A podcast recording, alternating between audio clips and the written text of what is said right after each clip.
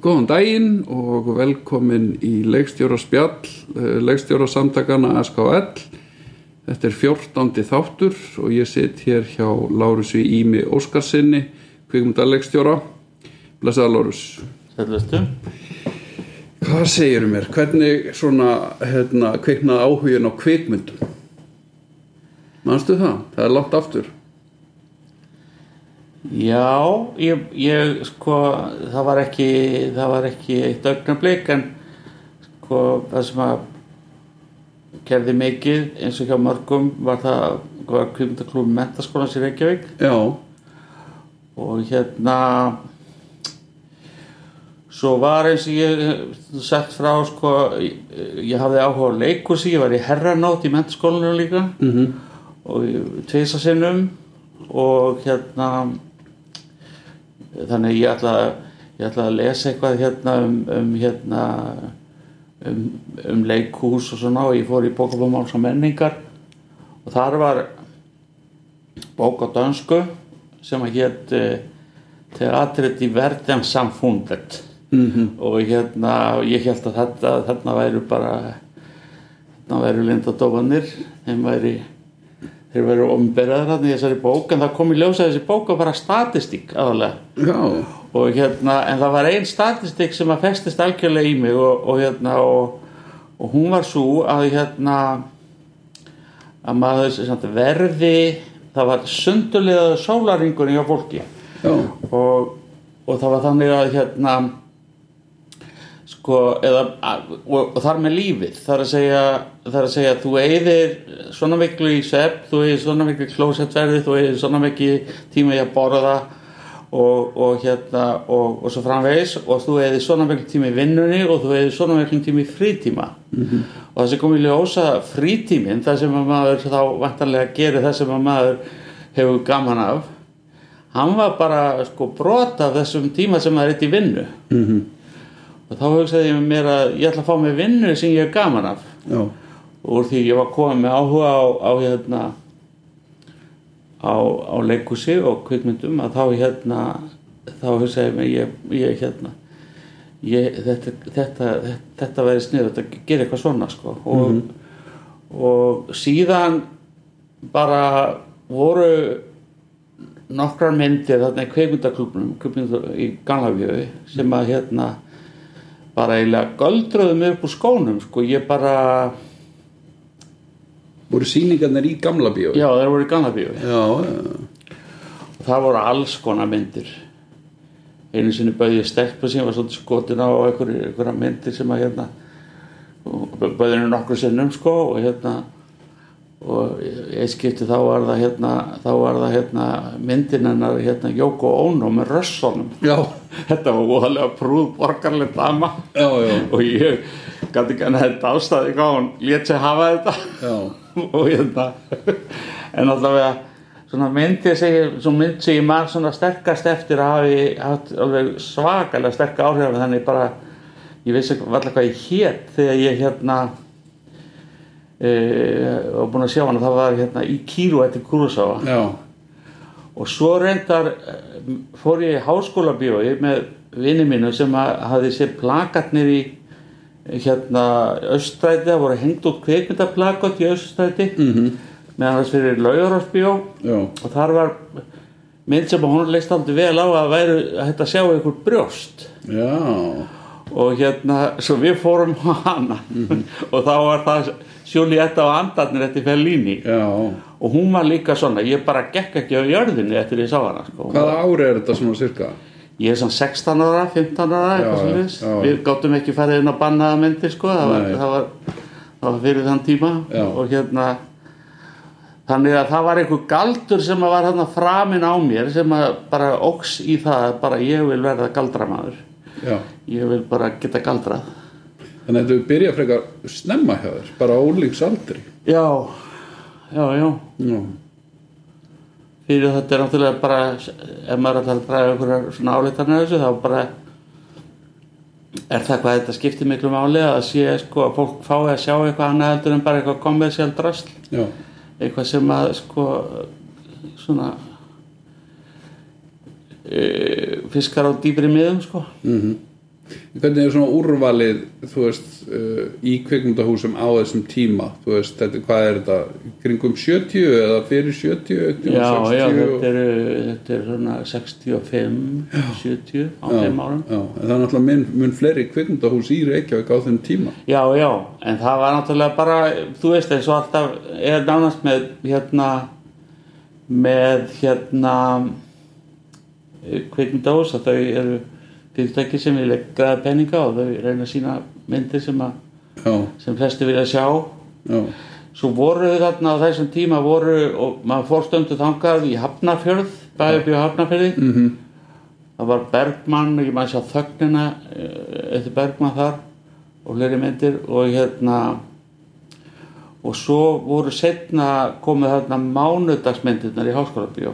Já, einmitt.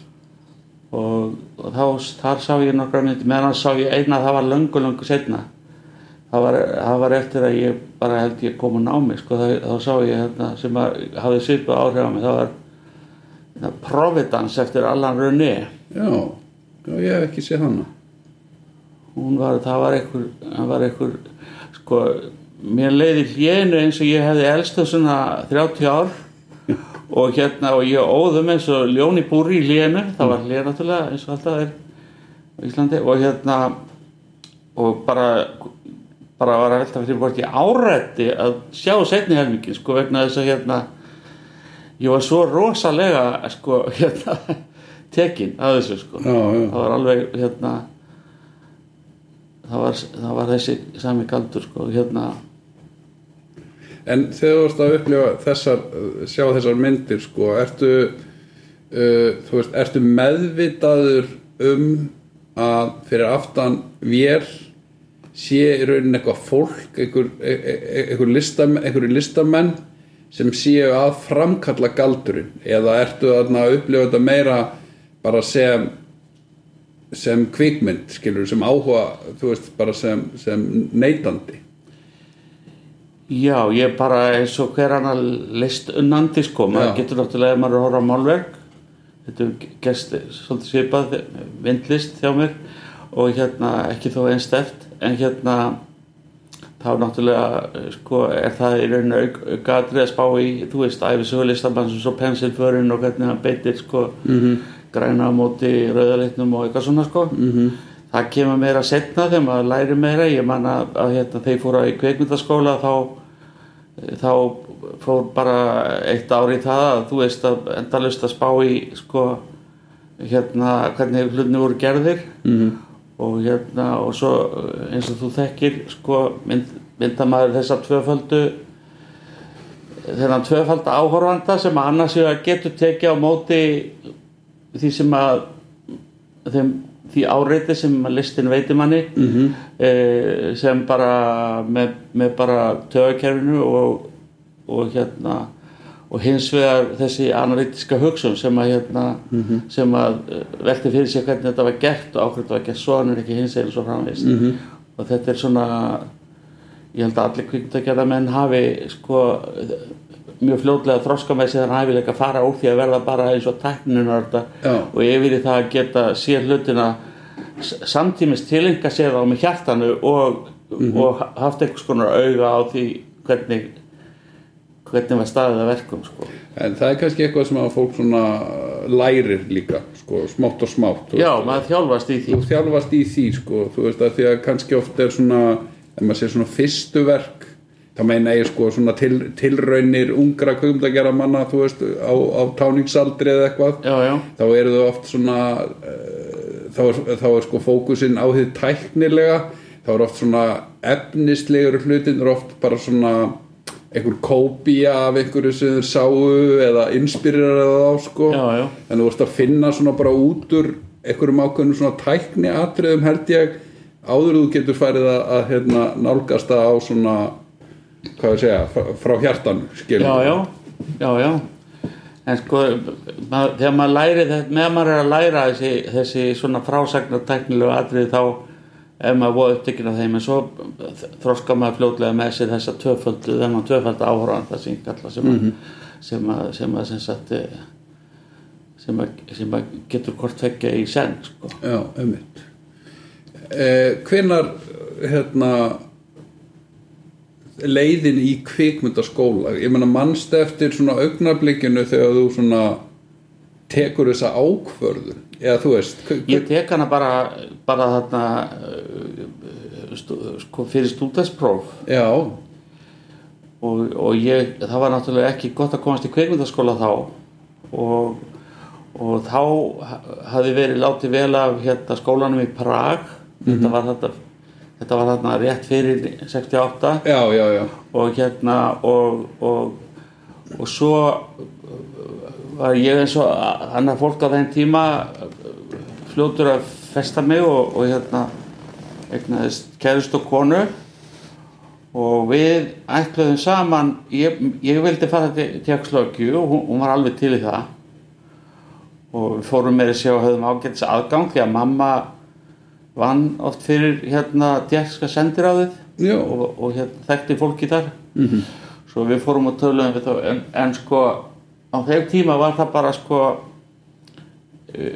við vildum náttúrulega fara bara og búa í, búa í Prag og, og hérna og hún myndi finna sér nám, hún hafði áhuga ymsu, hún er læknir í dag. Og hérna og ég á kveimdaskólan sko en það var alveg útiloka að við getum búið saman. Það var bara ekki gert stúdendar bara eh, kall og kona byggu aldrei saman sko. þú bara fegst þitt uh, herbyrgi sko. og það var eiginlega til þess að, að við hérna uh, bara ákvaðum að sleppa þessu og svo fór hún í nám hér og ég fór að kenna eitthvað í framhaldsskólum og, og hérna og, og, og hérna og svo sótti ég um í sænska skólan sem að þá þótti mjög góður og var góður mm og, og hérna þá var ég bara sko 21 eða 2 já, og þeir höfðu þá pólitík þetta var, sko þeir höfðu þá pólitík þetta var rosalega mikið verklegu skóli sem ég var yfirlega þakkláttu fyrir þegar þar að kom. E, og ég fór í umsókn af ferli meðan þess að fyndi það hérna að, eða, eða svona eftir á að higgja hérna að ég hafði verið að skrifa um kvikmyndi fyrir vísi já, og verið blaðamæður á vísi. Mhm.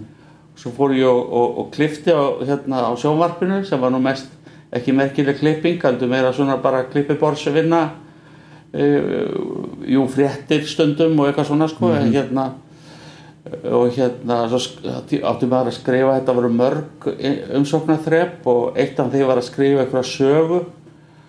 Og hérna og Ólafur Jónsson hérna sá fræði menningaristjóri Vísis hann hafði verið í Svíþjóð og hann tók að sér að þýða fyrir með þessa sögu. Já, ég fór heim til hans með hérna viskiflösku og hérna og, og, og þýðingin var alveg svona svolítið skrauplega undir lokin.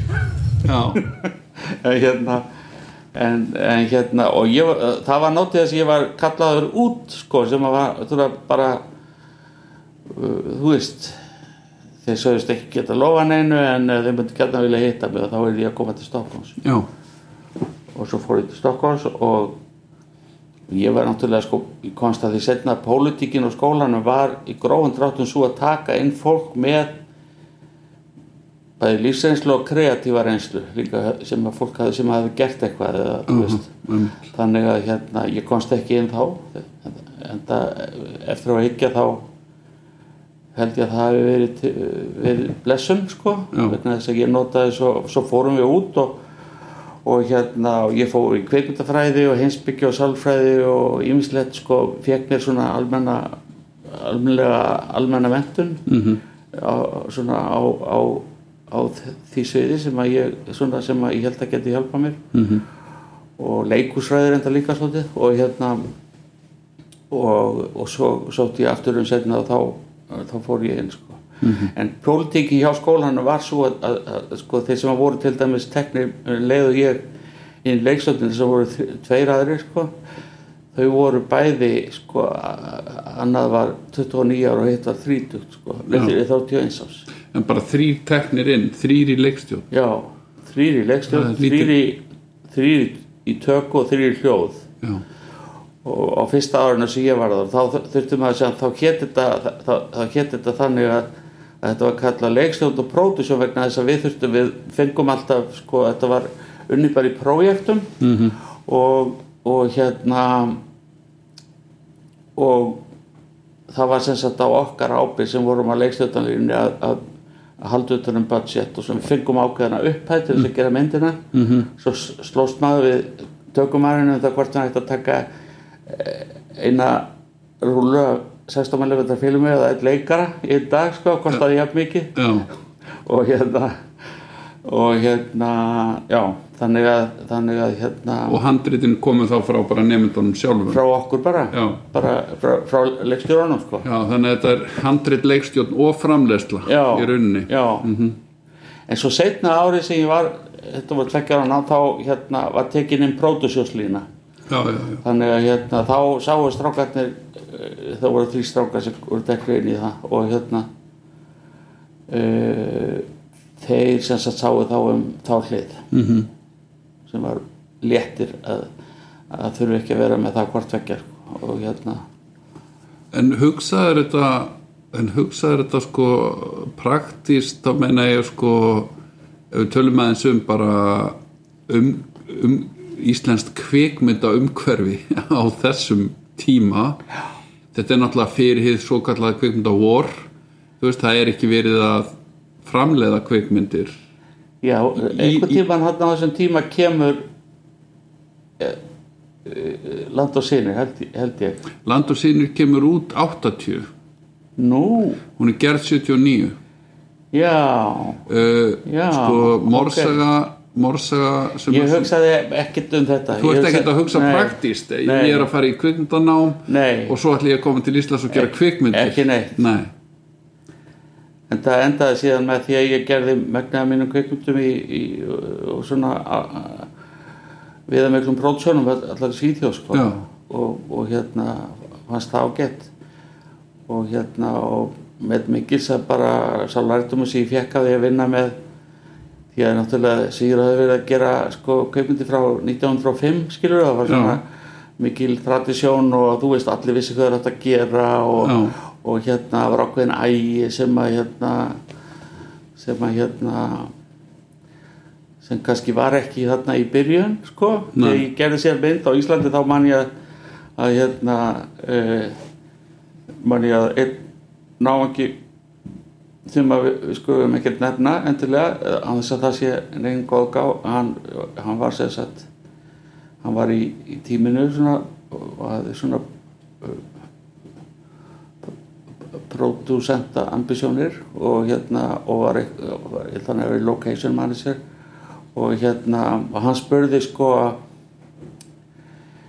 e, svona einhver tíma þegar við stóðum út undir bílegstar og vorum að býða til veðri eða traffic eða einhverju -hmm. þá spurði hann hérna heyrðu hvernig myndið þú svona meta mig svona sem svona pródusjónspersonu hérna og þá sagði, sagði ég við hann sko og ég held að það hefði verið svona sko, ég var ekki bara að tala við hann heldur dálítið svona eins og, eins og standardin var þá eða vinnubröður voru þá. Þá sagði ég sko, ég myndi aldrei gera það í hersöðingja en ég myndi veita þér metalíu fyrir sko afrygg í orustu og það gett aldrei út á það sko það bara því var rettað skilur við var hérna þú veist uh, undirbúningurinn og plan B og allt svolítið það var, það var ekkert sko mikið inn í dæminu en, hérna, en svo kom upp eitthvað próblem og þá bara fór allir að stað og, bara, hérna, og, og málunum var retta sko.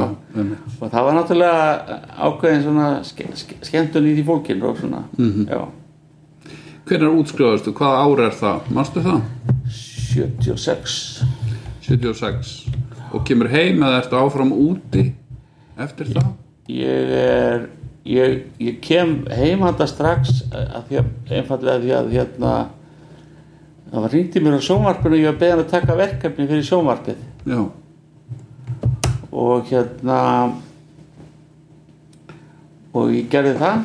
Mm og hérna það hétt Drottinblessi heimilið eftir Guðlu Arason. Já, og fjallaðan tógara sjómann og, og, og konuna hans sem voru að skilja og voru hérna akkureyringarnir hérna Dráin Karlsson og Saga Jónsdóttir sem leikur mm og hérna og ég hafnaði sem ég sá alltaf eftir hafnaði hérna Björk sóttu um hlutverk dótturinnar. Já, og hérna hún átti að vera svona 13 ára dótturinn sko. Og Björk held ég að hafi verið eitthvað svo leiðis en hún leit út og hún verið nýjára þannig að hérna það var þess vegna hún var greinilega rosalega skemmtileg og, og interessant sko hérna -hmm. ég veist að ég á hverju þurftum endilega að vera 13 ára skilur það eftir að veikja hefði verið rosa gaman að hafa hana með -hmm. en hérna allavega síðan fer ég út og, og hérna og hérna kona mín er að vinna þetta úti og, og þá fer ég tekið svona leikusrisp vegna þess að ég hugsaði svo að þú veist nú var maður komið með hérna ansi, ansi glúrin svona í hvernig maður hreyfir myndavél og, og, og hérna og koreograferar sett sko og, og svona. Uh, nú myndi ég vilja bara hérna uh, bara kynast leikaravinnu miklu betur. Mhm, og ég hafði reyndar haft að prinsiptöndu í lokamyndinu minni, ég bara tók sko, spurði alla bestu leikar svíþjóða hvort ég vildi vera með sko. Já, og, og fekk sko til dæmis uh, hvern hlutverki var leikið af hérna Margareta Krúk sem er sko var svona eða drottning sko hún var hún leik hérna mömmu Sölku Völku í, í Sölku Völku myndinni sem, sem, sem hann tók hérna nýkvist já, og þetta Arne Mattsson held ég leikst í því og hérna og kallinn sem að leik aðratrykki hann var svona gamalt stórveldi sem hafði orðið veikur vegna þess að hann fekk blíeitruna því að drekka alltaf te sem hann hitaði sjálfur í, í, í hérna búnisklefanir sínum á Dramaten. Og það var, hann var lóðaður potturinn var lóðaður með blíi já, þannig að hann var mjög alvarlega veikur. Já, en eldklár og alveg indislegu kall sko, hann, hann var þarna búinn að ná sér sko, eftir þessu eftir þetta, en ég man ég spurði Anders Ek og, og ég man ég spurði Max von Sydow og allir, ég vildi bara vera skilur, taka úr mér leikarhræðsluna. Ég skipti fyrir öll já, já, og svo fór ég hann og var aðstoflegstur á borgarleikusinu sænska, já, í Otello. Mhm, sem var mjög, mjög það sem ég lærði mikið á. Það var náttúrulega bara svona eins og leikusveinan og, og svo hérna var þetta svona alveg djúb stúdíu í Shakespeare. Sko ég var með fjö, fjórar útgáfur af hérna með mér og að því að notaði mig ekki mikið þessi hérna leikstjóri. Mhm, e, og hérna var að fara leið sem að ég leist ekki á og ég saði við hann og, og það var svona að sagði kringu það sem að allavega þá hérna þá var ég sett með þá ensku og ég var með tvær e, sænskar gömlu klassísku sænsku þýðinguna þessa, þessa þýðingu sem var notuð sem var ný og hún gerð sérstaklega fyrir sýninguna. Já, og svo var ég líka með Mattias Jókursson og, hérna, og, og var ég en, endalausu samanbörðun samanbörðu það var náttúrulega algjörlega outstanding hvað hérna Shakespeare var bestur sko. það var svo mikið djús í, í, í, í orginalinu sko, hérna, að hérna þannig að það var mjög skemmtilegt. En hérna e, sá hluti af því sko, en hérna. Svo, svo fer ég heim og ég að vinna held ég, ég held að ég, ég óklára svona tímar og svo fór ég að vinna í alþýðleikusinu, við verðum leik, leikustjóra þar ég og Óli Haugur Símonarsson já, og hérna settum, settum hérna, vorum þarna þegar að hérna og drifum upp Hafnabíó sem sýningu, ég setti það þar í fó. Mhm, stjórnlis ekki fæst af sliðsvarum og hérna og svo uh, hérna við höfðum verið svona eitthvað að velta fyrir okkur hvort við ætluðum að vera saman áfram kona mín og ég og svo fór ég og við ákvaðum að vera saman aftur. Ég fór út og að hjá henni yfir jólin og þá er hringt bara í hennar síma mm. sem var ennþá á mínu, mínu nafni. Mhm, og þá var það hérna Pelli Berlund sem er hérna uh, var leikstjóri og hafði kent okkur á hérna á hérna í skólanum. Og hann sagði að hann og Jónas Cornell sem er líka leikstjóri bæði leikusleikstjóri og kvikmyndaleikstjóri og handlisöfundur að þeir væri að hugsa um að hérna að þeir hefðu fengið það mandat frá hérna sænsku krimdastofnuninni að finna nýjan talent. Já, og ég kemur til greina. Og þeir hefðu séð lokamyndina mína sem hafði unnið þarna gullvelun í, í Oberhausen og, og hérna og svo voru þeir að tala við ykkur á nokkra aðra í, í viðbót og hérna og svo endaði með því að við, við gerðum voru tveir sem voru valdi ég og Sjálf Sundberg sem hefur leikstýrt alveg gla, glása hérna myndum ég hana og orginalmyndina því og fullt af vallandir myndum og alls konar sko. Mhm, og er svona mjög svona svona já hann er svona uh, kannski ekki ólega merkilegu leikstur en, en hann sé flinkur svona og farsæl sko. framleiðin.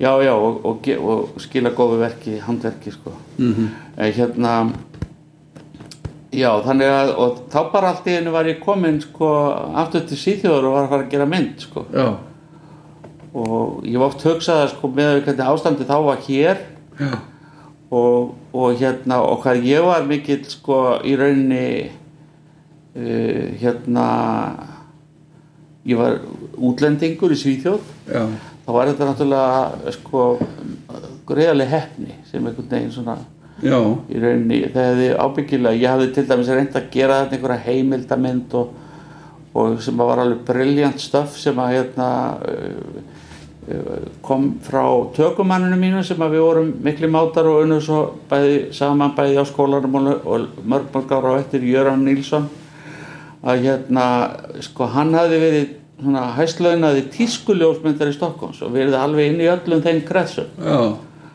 og myndin átt að vera um þetta sko. En það var svona myndi mig á þessu hérna þessa, þessa, þessa, þessa myndi, ástandið fyrir mig myndi mig svolítið á þessum að eitt karakteri segir í Carriots of Fire sko, hann er hérna hann er gýðingur, þeir eru tveir sko mhm, uh, þú, þú kannski sé hana mm Mhm, já. og hann segir sko, segir gýðingur sko they, they lead you to the water but they don't give you anything to drink og hérna, það var svolítið svo tilfinning sem ég hafði sko. þannig að Já. þetta var þetta var hérna já, og þannig sem sagt var, var það til þess að ég gerði andra dansan sem er fyrsta myndið inn í fullri lengt já, hún er hvað gerði 82, 83 eitthvað já, svoleiðis. Já og hérna uh, segðum við aðeins svona frá hérna hérna þeirri mynd, hver er svona hugmyndin? Handritsöfundurinn að henni var hvað Lars B. Lundholm? Já, uh, hvernig kom það hvernig kom verkið til sko það sem að þeir stungu upp á þessi tveir hérna, Jónas og Pelle, þeir stungu upp á því að við bara heldum áfram svolítið þetta tím sem hafi verið í lokamyndinni þetta, minni Já. á skólanum.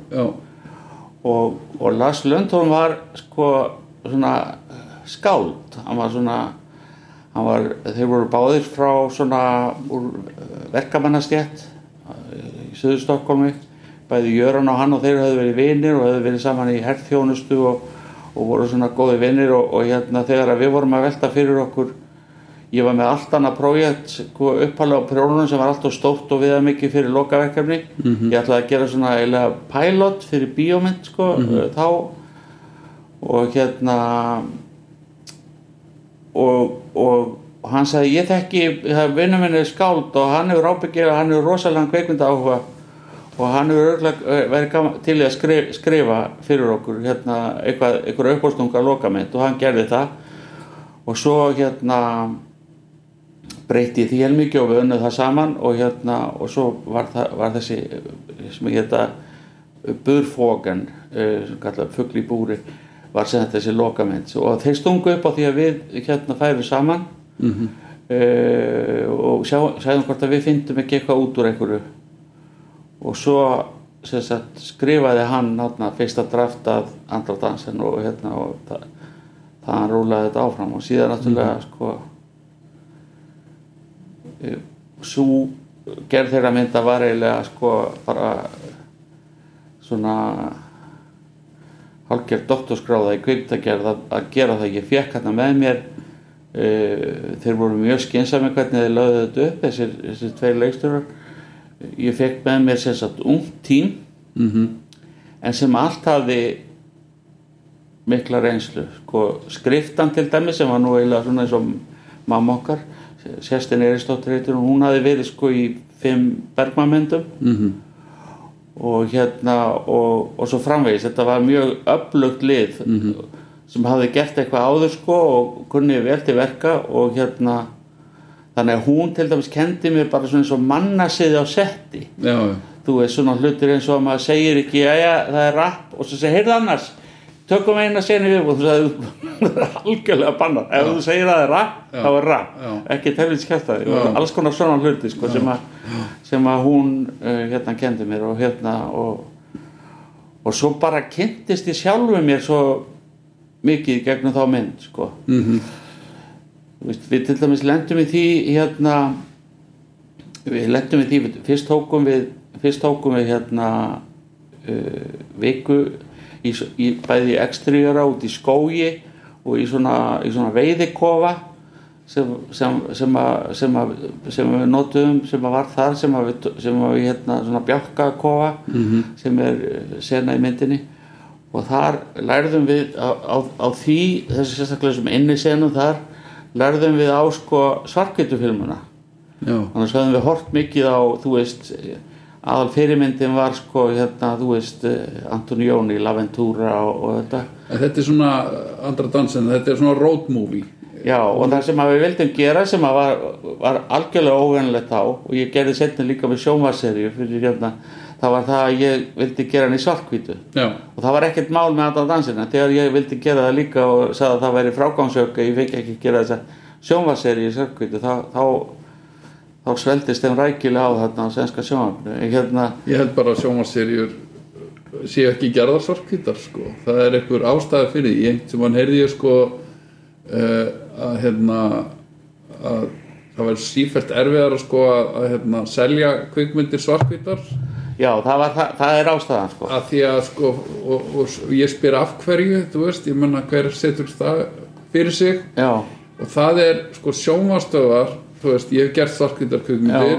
og þær seldust út um allt sko, semst í kvikmyndahús Já. og svona og dreifðust vel. Já, en það var lítil sem engin sjónvarsala og ég spurði sölu fyrirtæki í Breitlandi og brast fyrirtæki í London sem sá um sölun á myndinni. Já og þessi, nei það er bara þú selur ekki svartkvíta mynd í, í sjónvarp það er nákvæmlega það það er að því að sko þegar þær eru síndar ef þær eru nýjar þar að segja sko það er Já. náttúrulega hvart er enginn að sjá þú veist, hérna, Hitchcock hérna. Big Chill eða, hérna, hérna einhverja bókartmyndir eða Já, eitthvað já.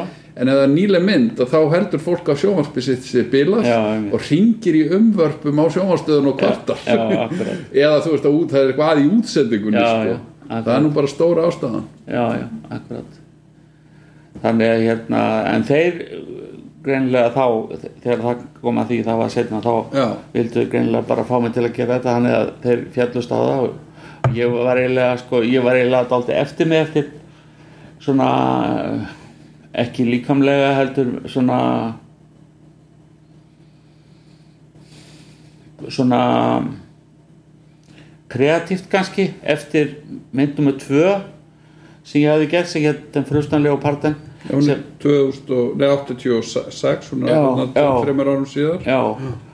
Og hún hafði sko í henni er eitthvað sko með því besta sem ég hef gert en, en það var eh, það er svona kannski á langt að fara út í það en ég sem sagt það má segja það að ég hafi feilað á því að bera ámikla verðingu fyrir sko höfundinum e, e, hann vildi þetta fjallaðum tvo bræður mm -hmm.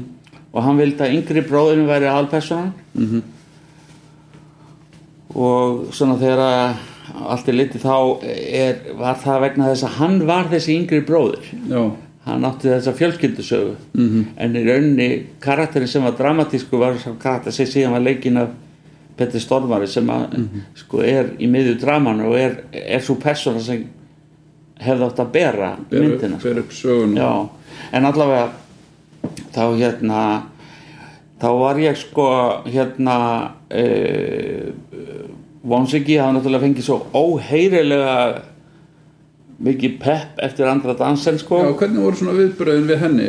Svona hún var bara, það var bara masterpiece og, þú veist og International Film Guide sett hana sem sjöttu bestu mynd í heimi og eitthvað svona skilur það var alveg ridiculous. Já, einmitt, og hún og leik, aðleikonan fær þarna guldbakkinu það ekki, besta já. Og, og myndin er alveg svona hampað já, já, og fekk rosalega fína kritik og allt þetta sko og hérna og, og hérna þannig að sko eitt af því, eitt af því sem að eitt af vitleysana sem að gerði sko ég man það að Viestedt Lúðvísson rittöfundur og hérna hann las handritið sko hliparðana og hann sagði þetta bara þú veist þetta bara þú, þetta bara þú verður bara að breyta þessu sko. Þetta er hérna þetta er ekki þetta er ekki lægi sko hérna bara þess að sögum vandamáli ég hafði verið að glíma við sko. En, en bara á þenn tíma þá einhvern veginn gekk maður með þá hugmynd sko að maður hefði sko the golden touch þú veist það er bara allt poesía sem maður snerti Já, skilurðu. skipt engum máli hvað verið handritum Já, það væri bara gatveið sko, maður geti ljáð þessu þýlíka stemningu og andrúm og poesí sko að Var hérna- egoið upplásið eftir fyrstu mynd? Já, að þessu leiti Já, sko. já. ég, ég hef aldrei hérna haft eða allavega ekki að neinu ráði sem skiptir máli sko, verið með sérstaklega upplásið ego svona að líta á mig sem vola merkilegan mann ég, ég hérna það var íminslega sem hafði komið til sem hafði gert það verkum ég hafði svona ástæðs að ætla að ég hefði hæfileika á þessu sviði. Ég maður til dæmis þegar við vorum á skólanum að þá að þá hérna sko þá, þá, þá voru sko að setja upp til dæmis senu með leikurum með kamerur á hreyfingu stundum og hérna og leikurum og svona, þetta var eitthvað rosalega auðvelt fyrir mig og hérna og, og hérna og þetta var alveg ólega erfitt fyrir alla hina sko, einhvern veginn, meir og minna.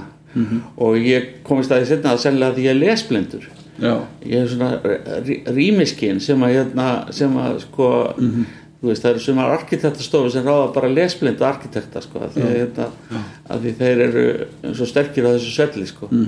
Og hérna þannig að ég svona ég hafði og hefur þetta alveg ennþá sko uh, sko tröll að trú á hæfileikum mínum á þessu sviði og, og, og þess vegna var þessi svona bommerta með hérna sem að vara ímsu leiti með þarna den frustanlegu part en það var ég fikk að vísu svona umsagnir sem að hérna sem að ég, ég þótti vola vænt um líka. En hérna ég vildi bara sapna mig saman og og átta mig betur á því hver ég var og, og, og, hvað mitt forti var og hvert ég ætti að fara og svona. Og þá kom þetta hérna, tilbúð með þessa sögu og ég eiginlega reyndi að setja þarna skilirði sem að gera það verkum ég gæti alls ekki hérna, fengi vinnuna. Mér eins frá þe- hvernig, hvernig seria var þetta? Var þetta svona míniseria já, einhverjir, þetta voru, voru, voru þrýr klukkutíma það heitir mhm, og hérna og byggt á þess að uh, byggt á stöfi eftir þennan Lundholm og konuna hans sem er hansi merkilegur hérna höfundur líka. Og hérna og en þau voru svo ákveðin að ég myndi gera þetta þannig að þau bara samþyktu allt. Ég ba baðum sko ég baðum uh, þú veist uh, alls konar aðstóða leikstjóra og svona sem að var ekki vaninn að fólk hefði sko og hérna því að þetta, þetta AD hugtak sem er, sko, er ríkjandi hér það var bara ekki var bara ekki til í Skandinavíu það var bara, það var bara svo kallar innspelningsleðari sem að sá svona um sem sá svona um þú veist uh, settið og allir verið bókaður á réttum tíma og eitthvað svona -hmm.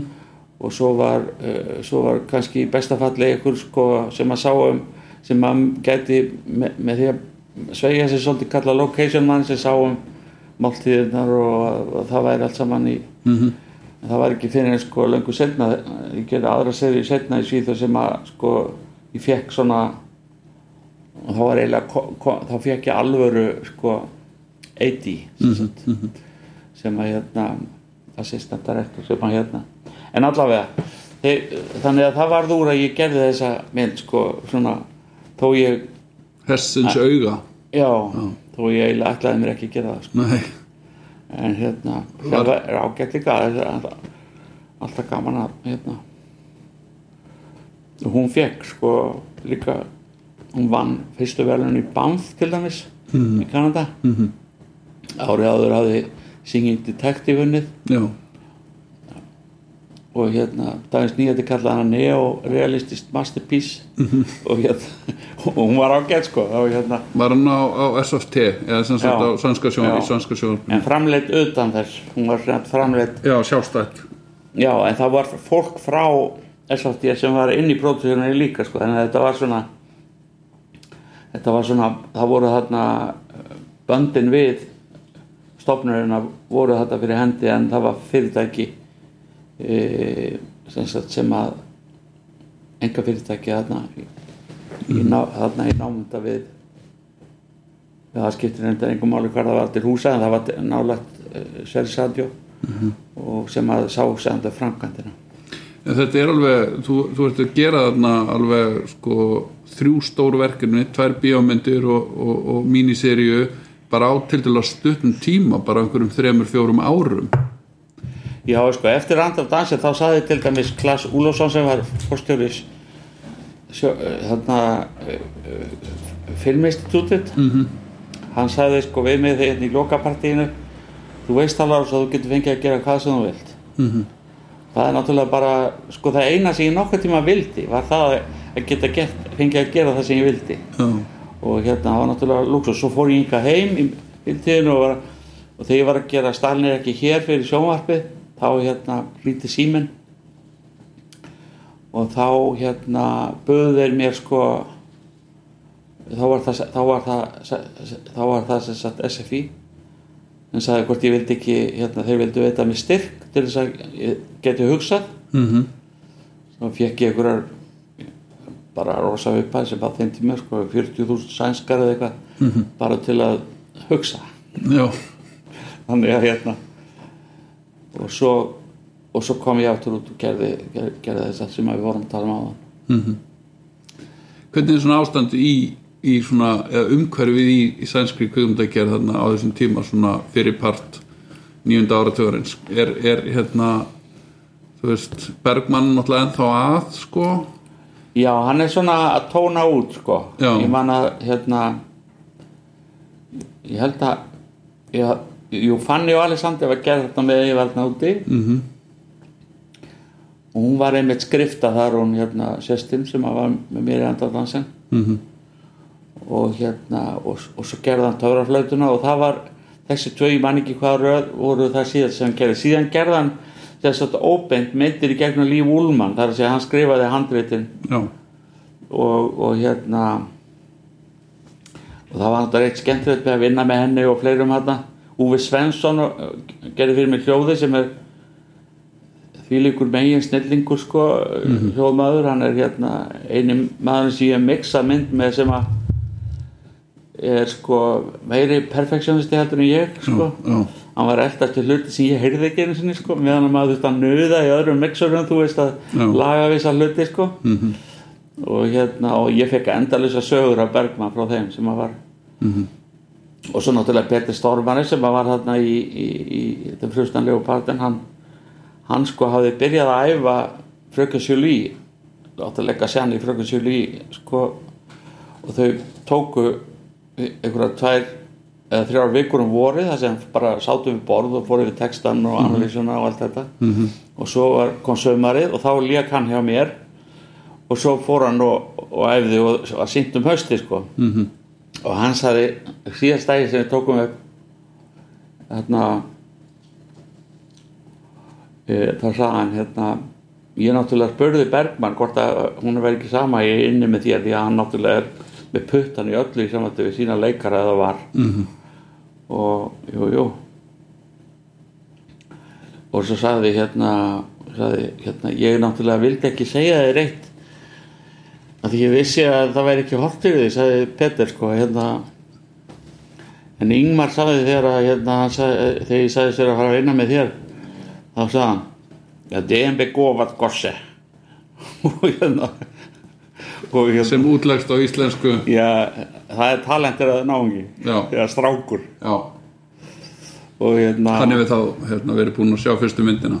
Já, já. Já, og það var hann í millitíðinni þá munaði einhvað í gerði mynd sko með Katingu Farago sem var hans prodúser sko, Já. Ingmars. Mhm, eftir bók sem að hérna sem að helviti góðri bók sem fjallar um konu uh, hérna miðaldra konu sem missi mannin sinn og, og hérna mjög svona arti hefði orðið svona þú veist svona sálfræði mm, stúdía og hérna og, og það var alveg komið að fegi ferði, við hefum sko fengið peningana bara svona, þú veist. Já. en hérna með þetta lið með okkur og hérna en á síðustu stundu þá hérna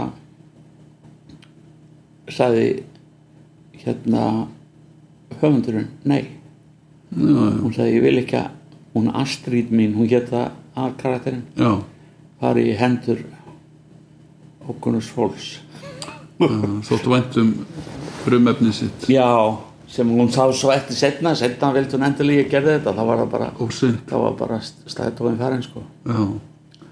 En sko Hersens auga er 87 næsta stóra verk er, er þín fyrsta og eina íslenska kvikmynd. Já, uh, Rið sem frumsýnd er hérna 90 desember 1990 já hvernig var svona aðdraðandina því? Varstu byrjar að hugsa það þú veist, ég þarf að fara til Íslands og gera kvikmynd? Já, já, það var náttúrulega alltaf svona alltaf í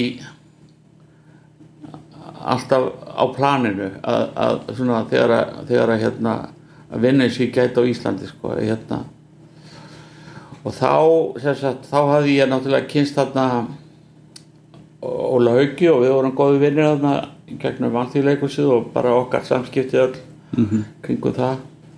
Og sá ég þetta leikrit og sá að þetta væri svona gæti verið hérna interessant mynd. Þetta hérna bílavægstæði Batta sem hann hafði skrifað. Mm og eitthvað sem að væri ekki mjög viða mikið framleiða og svona og kammer já, eins og kannski þessar tvær fyrstu, ég menna Andra Dansan og Frosna Leopardan eru kannski tóldi svona intím já, já, þetta er ekki fullt af hópatriðum nei, og- þetta er svona intím og hérna og Sigur Jón Sigvarts hérna einhvern veginn gerist það við heyrðum í honum. Mhm. þeir konnuðust eitthvað í hvort hann, hann og Óli. -hmm. og hann vildi vera með og pródúsera. Þannig að tveir útlendingar leggjast að í ferðalag að Jonni hafi náttúrulega ekki á þeim tíma verið að gera íslensk kvikmyndaverkefni Nei, nei. en búin að vera í tíu ár rúmlega í bandaríkanum Já, og já. gera hitt og þetta. Já, já, þannig að þið mætist þarna á þessu. Já, já. Og það hefur verið ég uh, hef kunnað mjög vel við það. Uh, það, sem- ég hef unnið með honum sko. Og hann er ennþá að leita til mig ég var að í morgun að horfa á nýjasta. Ákvæmið hans og gefa hann nótur sko að, að, að hérna hann, hann er sá eini sem að ég meina kveikmyndasjóður vill ekki sjá með sér ágjafa eða kveikmyndastofnu en hérna Jóni leitar alltaf til mín sko þannig að hérna mm -hmm. það er svona hann saga. En hérna sem sagt já. En það sem að sko ég veit ekki hvað hérna sko hvað, hvað uh, það sem að það sem að, það sem að mér finnst áhugavert sko uh, er það hvernig eh, sko, eða eitt af því sem mér finnst áhugavert að það hvernig sko, hvernig, hvernig sko, það skilur á milli feiks og ófeiks hvernig maður einhvern veginn kemst í tengsl við miðlinn sem maður er að vinna í sko, nánast fysiskt eða sko, maður getur líka sagt spiritualt sko, sem er náttúrulega einhvers konar anstæða en, en það og, og það sko og það eru tvö sko dæmi sem ég get nefnt í sambandi við það. Annars vegar í sambandi við andra dansin og hérna þá, þá lendi ég var byrjaði að segja frá því á þannig að hérna þá byrjuðum við fyrstu vikuna þarna í, í hérna í þessum útitökum mm skói og þetta og við sáum hvað hérna þessi lýsing sem hann notaði inn í kofanum kom illa út í svartkvítu -hmm. af því að hann hafði verið eins og hann hafði verið í þeim verkari sem hann hefði ávinna með svona litatempratúr og mm -hmm. munin og heit og köldu og svona -hmm. og það náttúrulega skiljaði sér ekki neitt það var bara flatt og hérna þannig að hann lærði óhemja á því sko það er náttúrulega bara svona þauðmalpötta regla sko að ef maður er að vinna í svartkvítu þá þarf maður að kontrasta til þess að það verði interessant. Og hérna eins og þú náttúrulega hefur komist að líka. Og hérna en fyrir bræði var okkur fleikt inn í reysastóra þannig að með myndina inn í senu sem gerist á hóteli. Sem að þeir eru stattar á hótel og svo kemur einhver gaur í heimsók til þeirra og hérna og, og við verðum bara að fara sko inn í þá senu nánast bara með tvekja tíma fyrirvara sko -hmm. og það var einhvern veginn engin undirbúningur og ekki neitt sko þannig að þetta maður þetta hella sér út í þetta -hmm. og og þá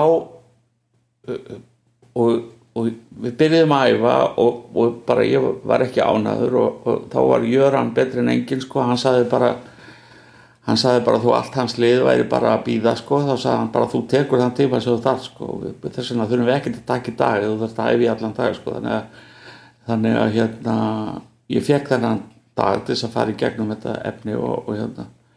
Og síðan vann ég sko þennan sekvens og, og, og síðan fleiri eftir á eiginlega bara á svona einhverju gut feeling. Mm -hmm. þar að ég bara vann á instinktinu einhvern veginn. Mm -hmm.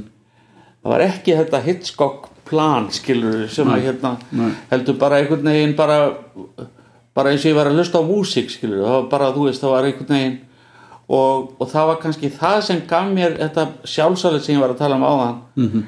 e, að sko að þegar ég vann svoleiðis þá komi bestu hlutinir já. þegar ég bara hlustaði eitthvað svona innri tongafall og bara fylgdi honum sko mm -hmm. Og, og svo er eiginlega svolítið anstæðan í sambandi við rið já. þá þurfti ég meira heldur nokk tíman áður að hugsa um hérna að fá áhöröndur í bíó já það hafði ekki verið þessu, ég hafði verið að framlega fyrir sænska filmistúti og það hafði ekkert verið, ég hafði bara það var náttúrulega allt sem var algjör luxus, ég hafði bara gett að hugsa um að gera það sem ég vildi mm -hmm. og gera það sem best mm -hmm.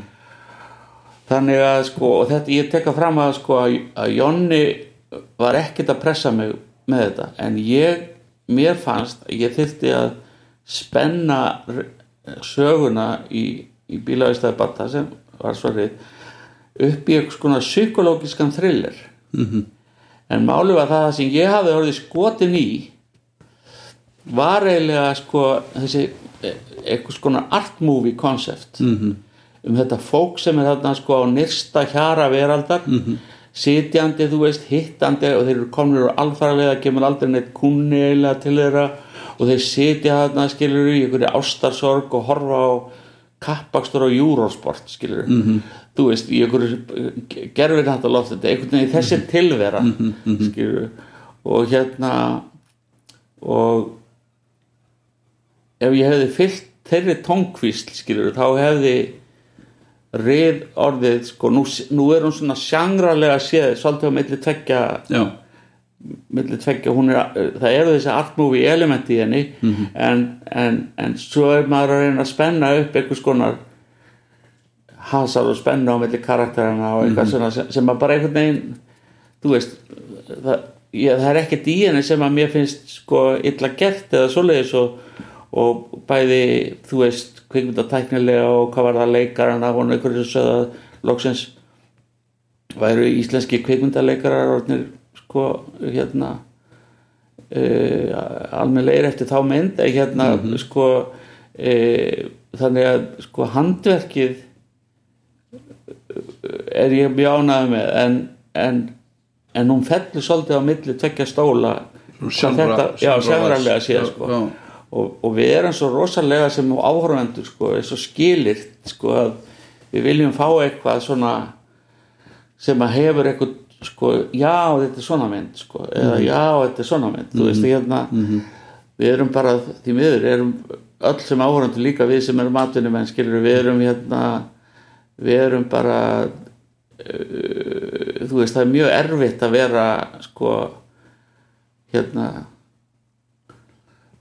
svona á milli sjangra sko -hmm. og hérna og, og svona þar það, það, það eru þessar tvær svona leksíur, einn jákvæð og einn ækvæð um þennan sko þennan að fylgja og í rauninni gengur auðvitað öll list sköpun út á út á þetta að finna, finna sinn tón já, og, og sinn innri hljóm og sinn innri resonans stöffinu sem maður er að vinna með -hmm. hvernig resonar það sem ég er að gera inn í mér. -hmm. og hérna og, og það, það er bara sko fyrir þá sem maður bara hafa það þá er það bara dýrmætt sem er til. Já, það er þessi þessi, þessi resonans þegar resonerar inn í manni sko. Og það er, það er besta það er besta besta leiðsögnin sem þú hefur þegar þú ert að gera eitthvað verk hvort sem er að mála mynd eða skrifa ljóð eða hvað sem er, það er resonera í mér sko. hljómar það við eitthvað inn í minnu taugakerfi og hjarta og hvað það er sko. og hérna fannst þér einhver munur eða þú veist komandi frá Svíþjóð og gera stórverk þar sko myndir og serju uh, að gera svo mynd á Íslandi var, var ekki, ekki þannig, það var mönur auðvitað, það var heilmikið mönur en það var ekki þannig að ég myndi segja að Anna væri frábært og eitt ömulegt nei, alls ekki sko, ég menna þetta var fínt fólk sem að ég hafði með mér og, og hérna, ég, þú veist ég bara, það var mjög jákvæð reysla að ge- gera, gera, gera rið sko. Og hérna uh, bara, þú veist ekki nokkuð skapaða hlutur af því þó það veri, maður lagaði sér bara, þú veist, öðrum svona hugsanæti, en það voru bara ekki úrvals kraftar þarna sem að voru með okkur bæði fyrir framann og aftan vélina og, og þetta ég hef getið nokkur sköpun hluta kvart í því efni sko. Nei. Þannig að hérna þetta var bara það sem að hugsanlega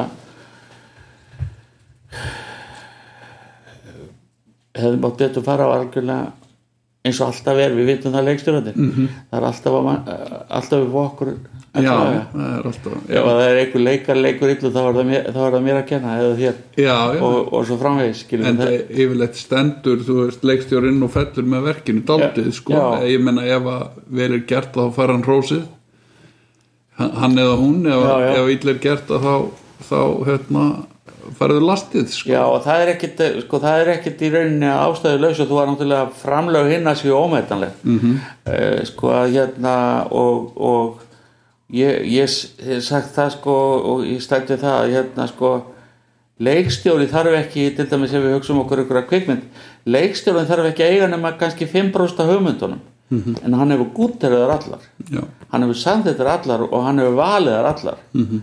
Því það er alltaf fleiri hugmyndir á kreiki og, já. og, hérna, og, og það er alltaf sko, hérna, einstöku sinnum verður náttúrulega í einhverjum kommersial dæmum menn eittir til að taka einhverja leikara að því að hérna eh, að því að, að því, fyrir box office þú veist að svo seljist betur inn á myndina sérstaklega náttúrulega í þessum ameríska kultúr en hérna en, en sem sagt eh, sko í rauninni er ég meina þú lendið því eins og ég að hérna sko að það er komin einhver leikar á sett kannski einhverju minna hlutverki en sem er kannski dóminirandi eða þú veist í tvær myndur eitthvað staðar mm -hmm. bara, fi- bara finnur þegar þú ferð að vinna með honum að bara hann meikar þetta ekki skilur hann, bara, hann ræður ekki við þessa senu -hmm. sko, og þá það sem maður verður að gera sko ég hef lendið því sérstaklega í þessum sjónvarsseríum sem koma bara þú veist tugir leikara frá Norrköping og allstaðar aðskilur sem eru fundir í einhverjum katalógum mm -hmm. casting fólk á hérna á hérna á sænska sjónvarpinu hefur fundið og, og ég hef samþykkt og hérna og þá bara þá bara breytir maður senu skilur þannig að við komandi ráði við hana skilur -hmm. þú veist þannig að ef að einhver stingur út sem ömulegu leikari í einhverju sem að ég hef gert þá er það mér að kenna já, skilur já. Ég menna casting í rauninni eða leik þú veist, casting í svona uh, í, sko svona hugmyndafræðilega þú veist, sem næru utanum allt það er bæði náttúrulega leikaravalið og þú veist, þeir leikara sem þú velur í hlutverkin eða guttir er í hlutverkin og svo hins vegar sko casting eða sem sagt val á samstagsfólki fyrir aftanvél, þú veist, öðrum listarinn stjórnendum annars líkt.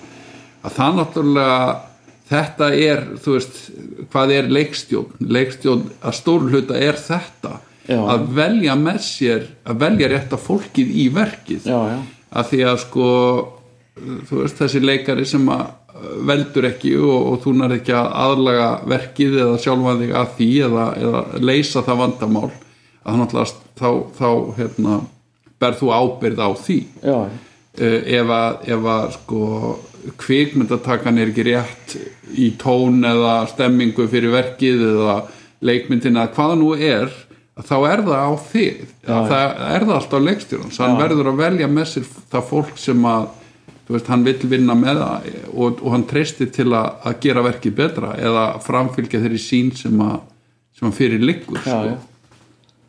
og svo þarf hann í, í- í stökku tilfellum sko að hérna að bara einfallega sko að að, breyta sko ágætt dæmi var þegar við vorum að velja hérna í hlutverk önnu í andra dansen það var hérna svo, það kemur Anders og svo fekk guttbakkan fyrir hlutverkið -hmm. og hérna og, og það sem að Lundtón var búinn að tala um sko og hérna og, og ég var alveg hérna samárunum það var sko að þetta vera svona eins og Mónika Vitti Mhm. Sem ég er mikill aðdáðandi hennar og hann líka.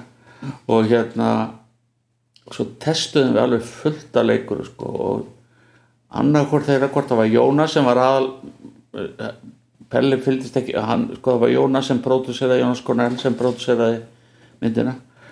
Stakk upp á hvort það verið hægt að kíkja á Kim Anderson og bara þú veist ég hafði síðan að hún var svona í, í, í, í, brilleraði í svona Dario Fó försum og var svona rosalega komedien sko, svona ofsalega orkufull komedien ég hafði einhvern tíma setið á, á bar þar sem hún var í Vasastæðin Stokkólmi þar sem hún var nýbúin að eigna spann og sprautaði úr brjóstinu á fólki sem hefur borðið hún var svona rosalega hérna Extrovert. já, extrovert manneska og hérna og svo testuðum við hana. Hún bara hafði allan þennan sko sem að var að hluta til út af hennar æfi hvernig hún hafði við, hún, hafði allan hennar sársauka, hún hafði allan þessa desperasjón sem þessi persóna hefur.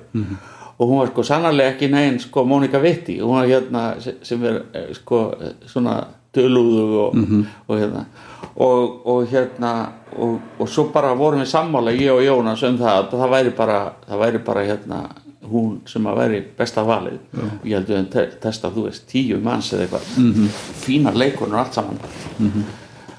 Og þá sagði sko hérna sagði Lundholm við mig sko eftir og var alveg eiginlega bara bara bit sko og hérna heldur virkilega að hérna að, að hérna að Kim Anderson getur leikið önnu? Mm -hmm.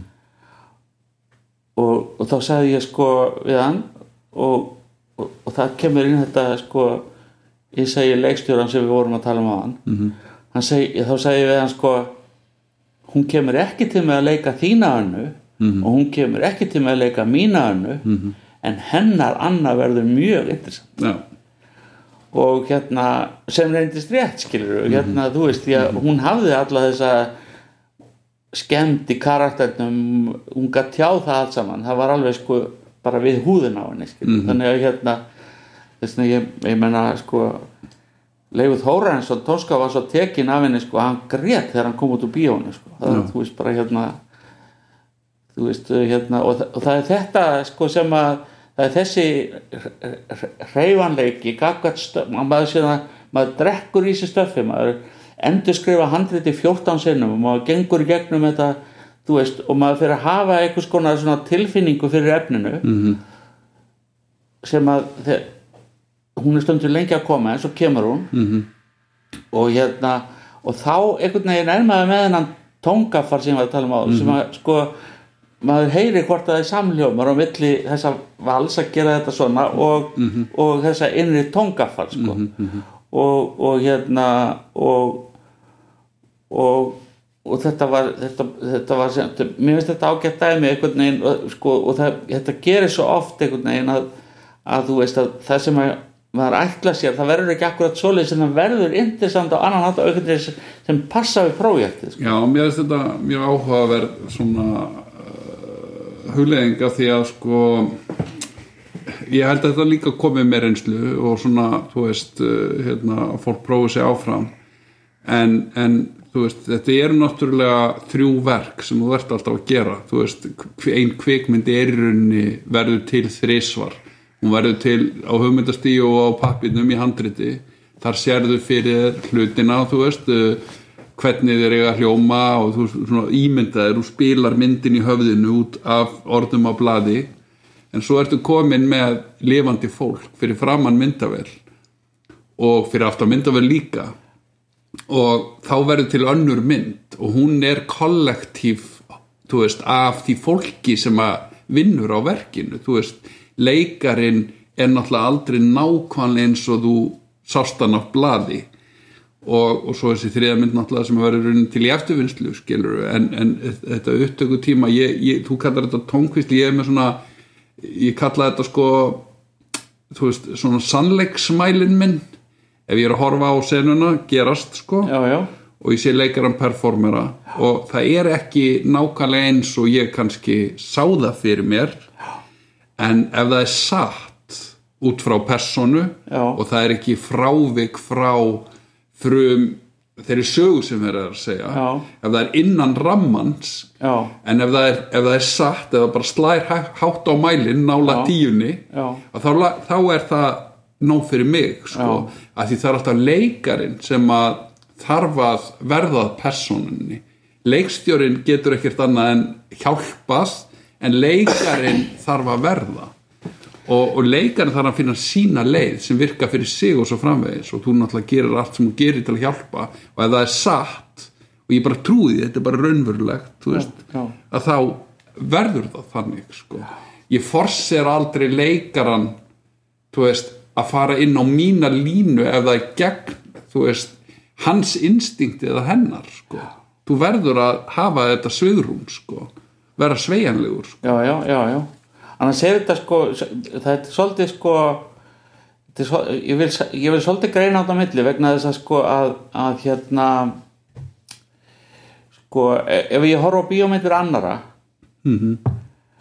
þá hef ég þennan sannleiksmæli mm eins, og, eins og þú var hluta til lýsir honum. Það er að segja þá horfi ég alveg skilur á leikaran og sér bara þú veist er hann sannur eða er hann að að búa eitthvað til og sína mér eitthvað? Mm og hérna og það hefur maður, það er náttúrulega bara eitthvað sem við þjálfum upp sem í, það er þetta auga fyrir að sjá hvernig fólk er að satt og hvernig það er að, hvernig það er að búa eitthvað til og eitthvað hérna og er self-conscious og hvað annað sem að kann að þjáða sko. að fabrikar eitthvað Já.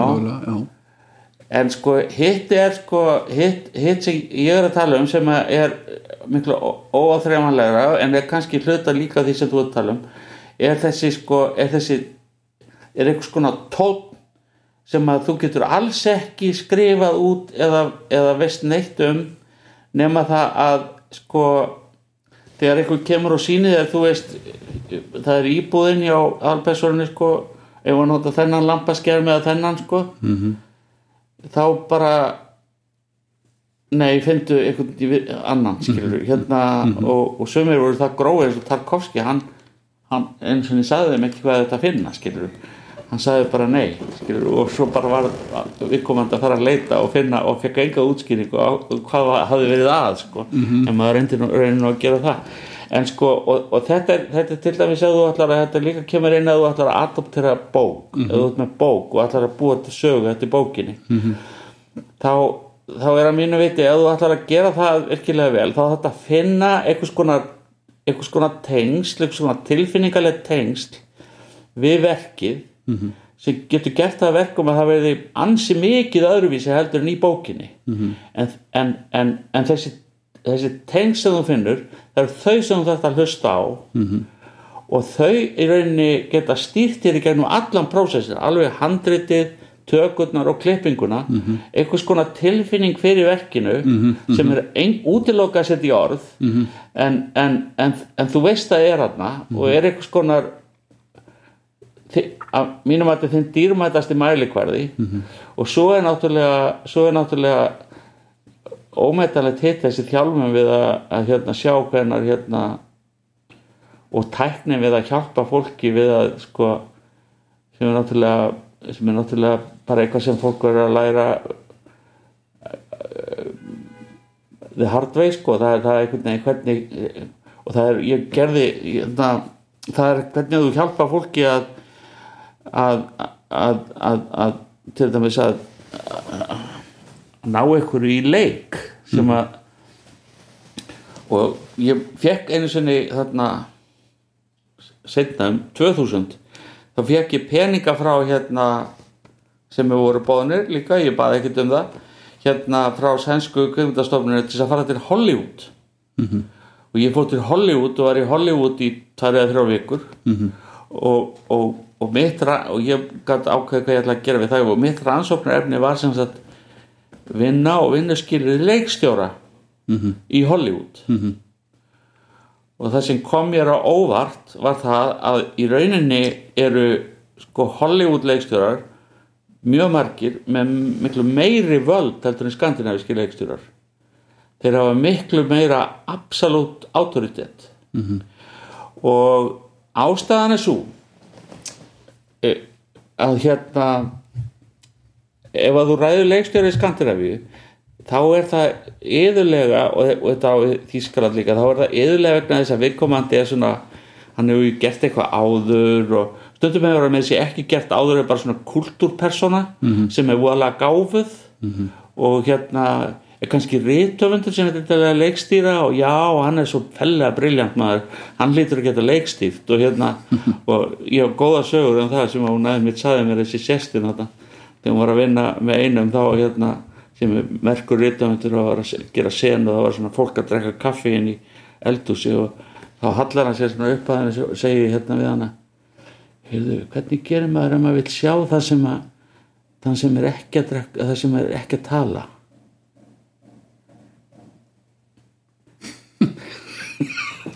og þú veist og hérna og en allavega þetta var áhugavert að sjá hérna hvernig þeir voru þarna sko og er það að þegar þú ræður leikstjóra í Ameríku mm -hmm. þá ert að ráða mann sem á að skila þér verki mm -hmm. sem á að borga sig mm -hmm.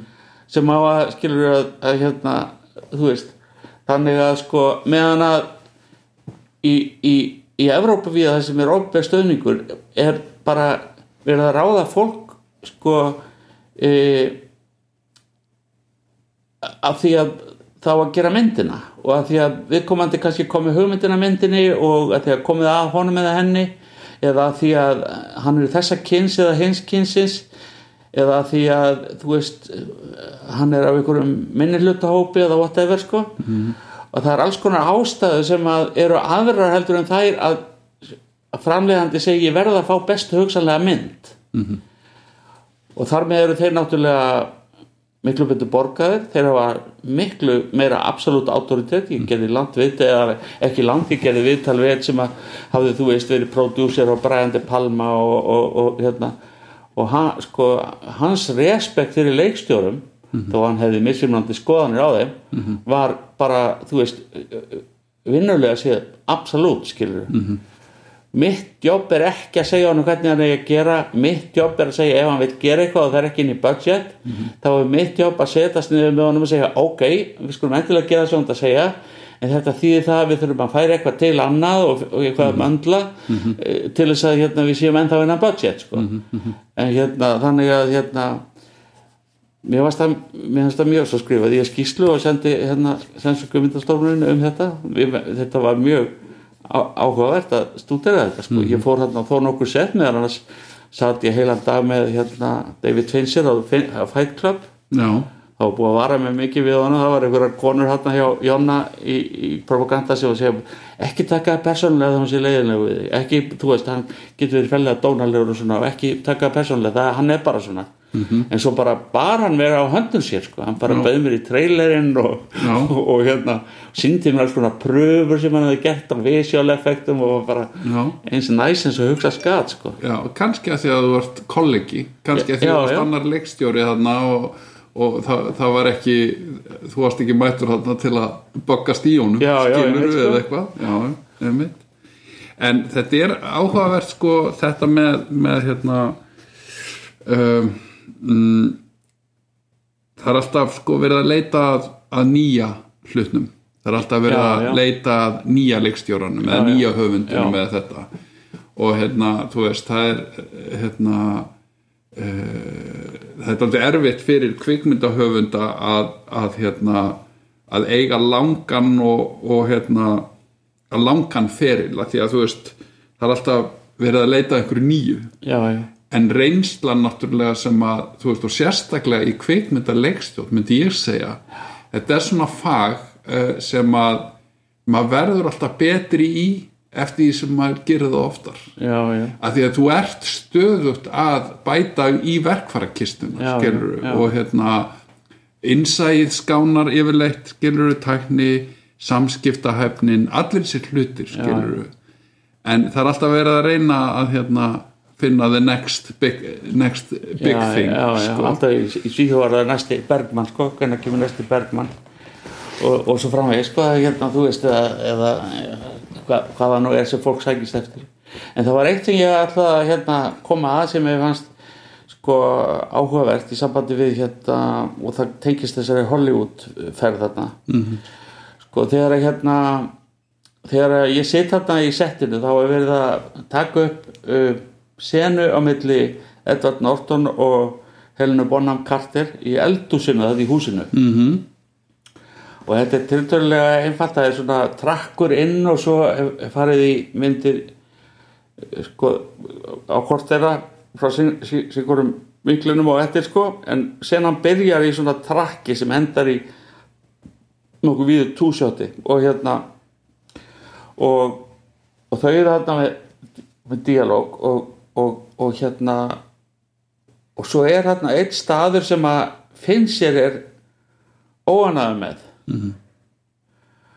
Og hann hafði engin tól. Sko nú er þetta bara bestu leikarar í heimi skilur þessi hérna Edvard Norton og Erna Bonham Carter. Þetta var hjá Edvard Norton sem að hérna er engin aukvisi eins og við vitum. Og hann gæti ekkert sko, ég heyrði mjög fljótlega hvað hann var að leita eftir. Þetta var, þetta var sko þetta var, þetta var flott pæling hjá Fincher, skilur hvað hann vildi fá. En hann vissi ekkert hvernig þetta fara að sko, og reyndi ekki einu sinni að hérna, hann, hann tók bara alltaf aftur og aftur og aftur. Og ég satt það með maður hafði, fengum allir svona A5 handrita sko síður, síður dagsins sko og ég svo leiðist þetta að halda í mig sko til að segja vegna þess að þetta var í rauninni það sem hann hefði fengið hefði, hefði verið bara þetta gera mjög einfallega -hmm. Segja honum sko að eftir þessari setningu er punktur. Hafðu það náttúrulega punktin ekki hlaupa strax yfir í næstu setningu. Já. þá nærðu þessu sem þetta ég náttúrulega gerði það ekki það hvernig ekki að mér að þú veist hérna, en, en hérna, þú veist, maður satt þarna og, og þetta, þetta sko kemur manni að leikstjórum sem að hérna og ég var, ég er nefnilega oft var við það, ég er náttúrulega vanleiki í þjóðleikúsinu og svona. Og ég var mjög oft var við það að fólk var að koma til mín leikarar og segja, sko ég var að fór í mynd hjá honum sko og þessum leikstjóra sko og hann bara veit ekkert um sko getur ekki tala við um hann skilur það er bara hann er algjör uh, analfabet hvað var allan leik skilur hann bara og hann segir bara eitthvað og hérna og, og hérna og þannig að mín held, held ég svona smá fyrirlestu fyrir leikara sem til miður var ekki nógu vel sóttur það var, var einhver aðsóknir en, en ekki eh, sem að gekk eiginlega út á bara eitt og það var bara með fullt af alls konar dæmum og rökum og, og það var bara það að sko undirbúðu þig mjög vel mm -hmm. jafnvel þó að leikstjórum vilja eitthvað allt annað heldur en þú vilt -hmm. þá er það bara bónus skilur að þú sett búin að skilur útbúa þína versjón af senunni -hmm. en það eru svo margir leikar og hafa verið svo margir leikar í gegnum tíðina sem er að mæti senur í íslenskum kveikmyndum og eru bara eins og hálfvitar skilur, þeir eru bara alveg glataðir í senunum skilur og ef þeir hefðu þetta sko sem er bara dæmis, algjör vani í Bretlandi og, og líka í Bandaríkjunum að fólk bara undirbúið sér sjálft og komið með sína versjón ef eikstjórun hefur ekki upp á neitt að bjóða þá bara gildir svo versjón og þá er, er leik, ábyrð á henni og hann er búin að gera það sem hann vildi gera skilur ef leikstjórun vil ekki þessa versjón þá nýtur leikarinn samt sem áður góð, góð, góðs að þessari undirbúningsvinnu. Já, og hérna og, og hérna og það er bara fullt af leikstjórum sko heimsæðum leikstjórum sem að hafa hafði ekki hugmyndu hvernig þið hjálpuðu leikurum. -hmm. ég meina menn eins og Spike Lee. -hmm. hugsaðu þér. -hmm. Stanley Kubrick Gyrur, hann, hann sagði bara þegar að Marko McDowell spurði hvort hann ætti að leika þetta svona eða hins eginn þannig í Glockwork Orange þá svaraði Stanley Kubrick heldur þessi ykkur helvítis að rata þú veist þarna Royal Academy of Dramatic Arts heldur þessi ykkur helvítis bara sjáðu bara um þetta, þú ert ráðan hérna til þess að leika skilur mm -hmm. og hérna og svo náttúrulega þessi menn eins og finnst sér, hann tók þessa senu sem vorum að tala um á hann, hann í eldúsinu mm -hmm. hann tók hana sko 28 sinnum mm -hmm. hann er náttúrulega frægur fyrir það finnst sér uh, af því að hann er náttúrulega ekki þú veist, uh, hann er ekki mikill sko leikara leikstjóri en hann hefur þó vit sem gerir hann á góðum leikstjóra að ráða réttur leikarana. Ekki bara það. Ekki bara þá, það gildir um alla þessa þrjá og margar fleiri. Já, já. þeir hafa eira. Já, þeir vita hvernig hluturinn er réttur og hvernig hann er rangur. Þeir vita hvernig hann hljómar og hvernig hann hljómar ekki og þó þeir get ekki hjálpa leikarunum að lenda á réttum stað þá segja þeir bara nei. Skilur, þeir sætta sig ekki við eitthvað bull skilur, af því að þeir hafa þeir hafa eirað, þeir hafa augað og þeir hafa eirað. Og það er það mikilvæg sem leikstjóri hefur. Já, það er að hafa augað og eirað sko. svo geta þið verið aðeins misflinkið í að hjálpa leikurum að, að finna mm -hmm. einhverja leiðir gegnum fysiska hluti eða annan hátt af þessari tilfinningu og tóni sem þið vilja fá en hérna þannig að og þetta er, er líka sko, hluti af þessari ráleikingu til leikara að undirbúa sér vel sko, hérna. og svo er annað sem að mér langar að vera því að tala um leikara sem að mér finnst rosalega mikilvægt og hefur sannað sig aftur og aftur og aftur það er það að sko meðan að íslenski leikar, leikarar príðisleikarar fínir sviðsleikarar leku allt og allt og oft illa það var vegna þess að þeirra og þetta gerist í, var í Danmörku líka. Ég meina þegar að, þegar að danski leikstjóra voru að gera myndir þá bara sko hringdu þetta síþjóð til þess að fá kveikmyndaleikara skilur mm því að bara danetning gátt ekki leið þeir voru bara í einhverjum sko einhverjum hérna Olsenbanden skilur mm -hmm. töktum skilur það var ekki fyrir þessi nýja kynst og leik, leikstjóra kom sem vann öðruvísi með eitthvað þá allt í hennu kemur í umhverfi eins og breska umhverfi til dæmis það sem bara tónnin er skilur þú bara mætir á setti og þú ferð að leika á móti einhverjum leikara og hann er bara með tónin skilur -hmm. realistiskan í berska tilfellinu tón sem er bara, veist, þannig að það kemur ekki til greina að þú svarir honum með einhverju bulli, skilur þú lendir í einhverju umhverju þar sem bara þar sem að sko tóntegundin er sett, skilur Já. og einhvern jákvæðan svo getur hún verið aðeins meira meira humoristisk eða aðeins meira þung eða eitthvað svolítið sko. En, en hérna en, en þetta var ekki til í byrjun íslenska keimundagerða þá voru menn bara komið menn voru þjólikúsi eða eitthvað skilur og bara þú veist, deklar eru þau eitthvað og, hérna, og, og framúskræðandi leikarar í sjálfu sér sko. en þetta var svo dramatísk breyting hérna, með þessum nýju leikstjórum í Danmarku þessari Lars von Trier kynnslóð og, og, og, og þeim liðinu sem að kom úr danska kvikmyndaskólinu þegar að hann, þegar hann fór að blómstra sko. já, Tríar og Vinterberg og, og, og það gengi allt saman. Já, já, Já, já, ég held að, að þú veist, það hefur náttúrulega eh, svo áhugavert að skoða íslenska kvikmynd að gera sérstaklega út frá sko, þú veist, þú nefnir áðan þú veist, svíjar eru búin að gera kvikmyndir frá 1905 mm.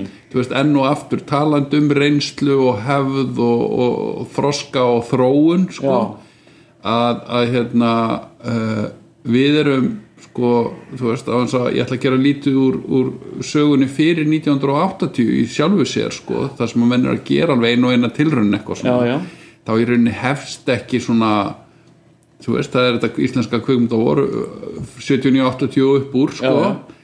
að þú veist, við erum að tala um það eru 40 ár af íslenskum kvikmyndum rétt rúmlega já, já. þetta er afskaplega stuttur tími og, og hérna eðlilega þú veist, maður getur alveg tekið þetta dálítið svona þú veist, í tímabilum. Fyrsti áratugurinn er, er mjög kreatífur 80 til 90 Já, já. Það, það er kreatífur tími í íslenski kvikmyndagerð maður sér, þú veist, í fjölbreytni verkana svona tilrauna Já, já. þú veist það er tilrauna kend alls konar hlutir í gangi. Já, og svo er svona kannski hérna, þessi áratugurinn á eftir þá er svona kannski, það er komin meiri fagþekking Já, já. svona yfir línuna Já, en já. það eru misbrestir Já, já. Og, og þeir eru kannski uh, oft tengdir emitt leiknum hann er, hann er ekki ennþá það við erum ekki búin að finna það eða leikarinn er nei, ekki búin nei. að finna það fram, við finnst þetta að vera sko, þetta er allt annað líf núna og svo eftir, eftir 2000 Já. uh, þú veist, þá, þá náttúrulega kemur kannski svona ný kynnslóð Já, já. og það eru leikstjórar sem að sem að ó, hræðast ekki að vinna með leikurum og kunna það og þú veist nálgast á og öðruvísi þá eru komnir líka inn nokkri leikara sem hafa leikið mikið mm Mhm. -hmm. Ingvar og Hilmi Snær og fleiri sko, Mhm. sem að bara kunna þetta orðið -hmm. og, og ef að þeir eru meðskilur þá smita það svo af sér sem, Mhm. mm -hmm. samkvæmt þessu prinsipi sem það er mána sko, hérna. þannig að núna er, er komin sko, er komin einhver sko harla góður uh, tótt svona generalt í, í íslenska Þa- þetta hefur breyst mjög mikið finnst Já, mér sko. já. þú veist, og það er, það er, það er sjaldgæfær í dag að maður sjá í íslenska mynd sem er illa leikinn heldur en áður fyrr. Uh, og það er, það er mun algengar að maður sjá myndir sem eru sko jafnleiknar. Og það, þessi þá er ég að meina sko þú veist að, að þú veist það, það sem ert að tala um að það er eitthvað tónbil skilur það er eitthvað tíðni já, sem að þú allir þurfa að vera á að því það er verið að segja einhverja sögu Já. í einhverjum ákveðnum tón. Innan þessa verks er að, þetta er tónbilið í verkinu. Og, og hérna eh, ég hef oft talað um það áður sko, veist, í fyrstu myndinu sem ég ger í 99, Fiasko að þar er ég bara mjög reynslu lítill leikstjóri uh, hafði ekki mikla uh, sko, veist reynslu af að vinna með leikurum og það er það sem ég lærði á því þeirri mynd að því að sko hún, þar, þar er fólk að fara út fyrir þetta tónbil Já. hún er ekki jafnleikin það eru, það eru mjög góðir það eru mjög góðir leik sprettir í henni og, og, og performansa Já. en það er ekki allir inn á Nei, stundum fyrst manni, ég er ekki að tala um þá mynd en stundum hefur manni fundið sko fólki sem bara syngur í myndinni sko. já, þannig að það, þá sett ég mér þetta er 99-2000 myndinu finnst 2000 þá sett ég mér þetta í rauninni bara sem hindrun eða sem verkefni. Já, að næst því ég gerði mynd að þá væri sko eh, þá væri mitt verkefni mín lærdómur skilur það, það verkefni sem ég sett sjálfu mér er að læra að vinna með leikurum að, að, að, að sko að sapna fleiri verkfærum í þá tösku. Já. og þá ger ég börnum foreldra sem eru bara svona leikfixeraðar myndir eða þessar performancefixeraðar Já, já. myndir. Það sem að andlita á leik, leikarinn er bara aðalatrið bara þú veist uh, þú veist auðvitað uh, þú veist uh, hérna, þar maður að stilla bjöl og ljósi og hljóð og allt þetta og það er ekki dýla gert, ég er alls ekki að segja Já, það. en, en frum forsendan uh, sko sem að þú veist, uh, ég segi við allt krúið og, og alla sem eru að taka þátt í þessu það sem við erum að reyna að fanga hér er performance. Já, já. og, og þess vegna, þú veist, tók ég árið að tvö í undirbúning bara með leikurunum og, og þá, þá er maður komið þau hérna, verkfæri í kistuna. Já, en mér fannst á þeim tíma þú veist, yngri og rókafyllri mér fannst þetta vera þú veist, ég áttaði mig á mínum eigin hérna, feilum í fyrstu mynd en ég horfði líka yfir sviðið og sá að það, þetta var bara generalt vandamál Já. í íslenskri kvikmyndagerð Já, já. að kvikmyndir væru ójæmt leiknar og, og hérna augljóst að hvorki leikstjórin nýrleikarin hafði unni heima unnuna sína og, og hérna það er náttúrulega leikstjórnans að búa til leikvöllin, Hvar, veist, hvern, hvernig ætlum við að vinna það, þú þarft ekkert að vera að anda ofan í hálsmálu á leikarunum allan tíman en það þarf að vera skýrt þá skilur hver ábyrði leikarans er. Já, já. ef þú ert að gefa leikarunum ákveðið uh, skáldaleifi eða eitthvað frelsi þá verður hann að vita það, hann, það verður, þú verður að setja það í orð. Óvissa og, og svona hlutir sem að hérna, uh, er ekki rættir eða eru óljósir það veldur alltaf þú veist, einhvers konar skjálta sem er ekkit endilega uh, vænlegur til árangurs skilur en svo eru leikarar náttúrulega bara misjafnir og við erum í list þetta er listsköpun þótt hún sé dálítið svona viðamikil og, og, og, og formföst Já. þá er þetta náttúrulega listsköpun. Og hérna og það er engin eins. Leikari sem þú treystir fyrir einhverju, þú veist, að vinna ákveðina vinnu að næsti er, er næsta mannesku er kannski ekki treystandi fyrir því Já, skilur, já. þú veist, fólk er bara svo ólíkt. Já, já, og það er að stór leiti hlutverk okkar leikstjórana að vera með skýra sín vita hver, hver, hver er tónverksins hvernig mynd við erum að gera Já. þú veist, allt þetta. Já, og koma öllum á sömu blaðsíðuna þú veist, Já. þegar þú ert að gera mynd þar sem að fólk er ekki á sömu blaðsíðunni þá er það ávísun á þú veist, einmitt eitthvað svona vankanta já það, kem, það kemur aftur inn þessi sko, eftirleiti slíking minn með tóngafalin sko, ég meina þú þegar þú sérð sko, þegar þú sérð eitthvað, ég meina þú ert að blokka senu, það sko, nú í dag ætlum við að taka þessa senu við komum hinga inn og hérna og, og þú leggur svona eitthvað gróft senur í sko, bara svona uh, og, og svo byrðu leikarinn að, að hérna, gera það þannig að allir geti séð og svona. Og og þá bara, þá bara heyrir hluti og sér hluti skilur -hmm. og, og hérna og þetta er í rauninni samanberð þess að ég sagði áðan með sko að, að í standi teki ættu bara kannski 5% af hugmyndunum að vera frá leikstjórunum -hmm. að þá er hver hver, hver performance á leikaranum þegar hann býður þér upp á eitthvað alternatív -hmm. er tillaga -hmm. skilur, þú ætti ekki að samþykja hana en sko svo kemur hann kannski með aðra tillögu eða þú kemur með tillögu og þá kemur hann með þriðu tillöguna e- einhver svona hlutir. En tillagan sem verður ofan á og fyrir á filmuna eða, eða vídeo, vídeói það er, þú hefur valið hana. Já, og það er þín ábyrgð sko, að hérna og, það- loka ákvörðun um alla hluti. Já. það er, það er þetta blessað final cut er þá getur, þá getur haldið utanum þetta innan gæsalapa verk sem að er sem þú ert ábyrgu fyrir sko. ef, þú, ef þú axla þá ábyrg og, t- en til þess að geta axla þá ábyrg þá, þá þarftu sko, þá þarftu mikið meira heldur en að mínu viti. Ég vil ekki misti fyrir þetta vegna þess í rauninni er þetta bæði pínuflóki en líka alveg óskaplega einfald mm. sko, þú þarft ekki endilega intellektualisera það, ég sé leik, íslenska leikstur en það er ellenda líka sko, gera einhverjar hérna, einhverjar myndir, sjónvarsmyndir eða aðra myndir það sem að hérna það sem þeir hafa greinilega á, ákveðið að hérna, þetta sé átakasena mm. Og svo spennaði leikarana upp sko, nei, meiri leitin þú veist. Hann er svo reyður skilur og hérna og, og svo, svo fyrir senan eitthvað sko í einhverja tóma vits og fólk er að garga hvert á annað og það er engin innistæða fyrir því. Mm -hmm. af því að þarna átt að vera dramatíski hábúndurinn eða eitthvað svona intellektuell konstruksjón sem að mm leiksturinn er búin að búa sér um að þetta sé miðbúndur myndan og þarna ég, eða skilur þú veist, þannig að það er sko alveg sama sko þú getur haft eitthvað svona á handristegin og getur haft eitthvað svona á undirbúinustegin eitthvað svona lekil hugmyndir um hvaða einhver hluta myndarinn að þjóna en, en, en sko það þýðir ekki að forsera þá Nei. þegar þú ert að gera myndina þá þarf alltaf að hafa þetta eira og auga í lægi mm til þess að hérna já, einmitt já, já. Þetta er organist ferli þetta verður að vera organist Já. ferli sko. og mjög mikilvægt þess sem saðir áðan sko að, að það eru allir mismunandi.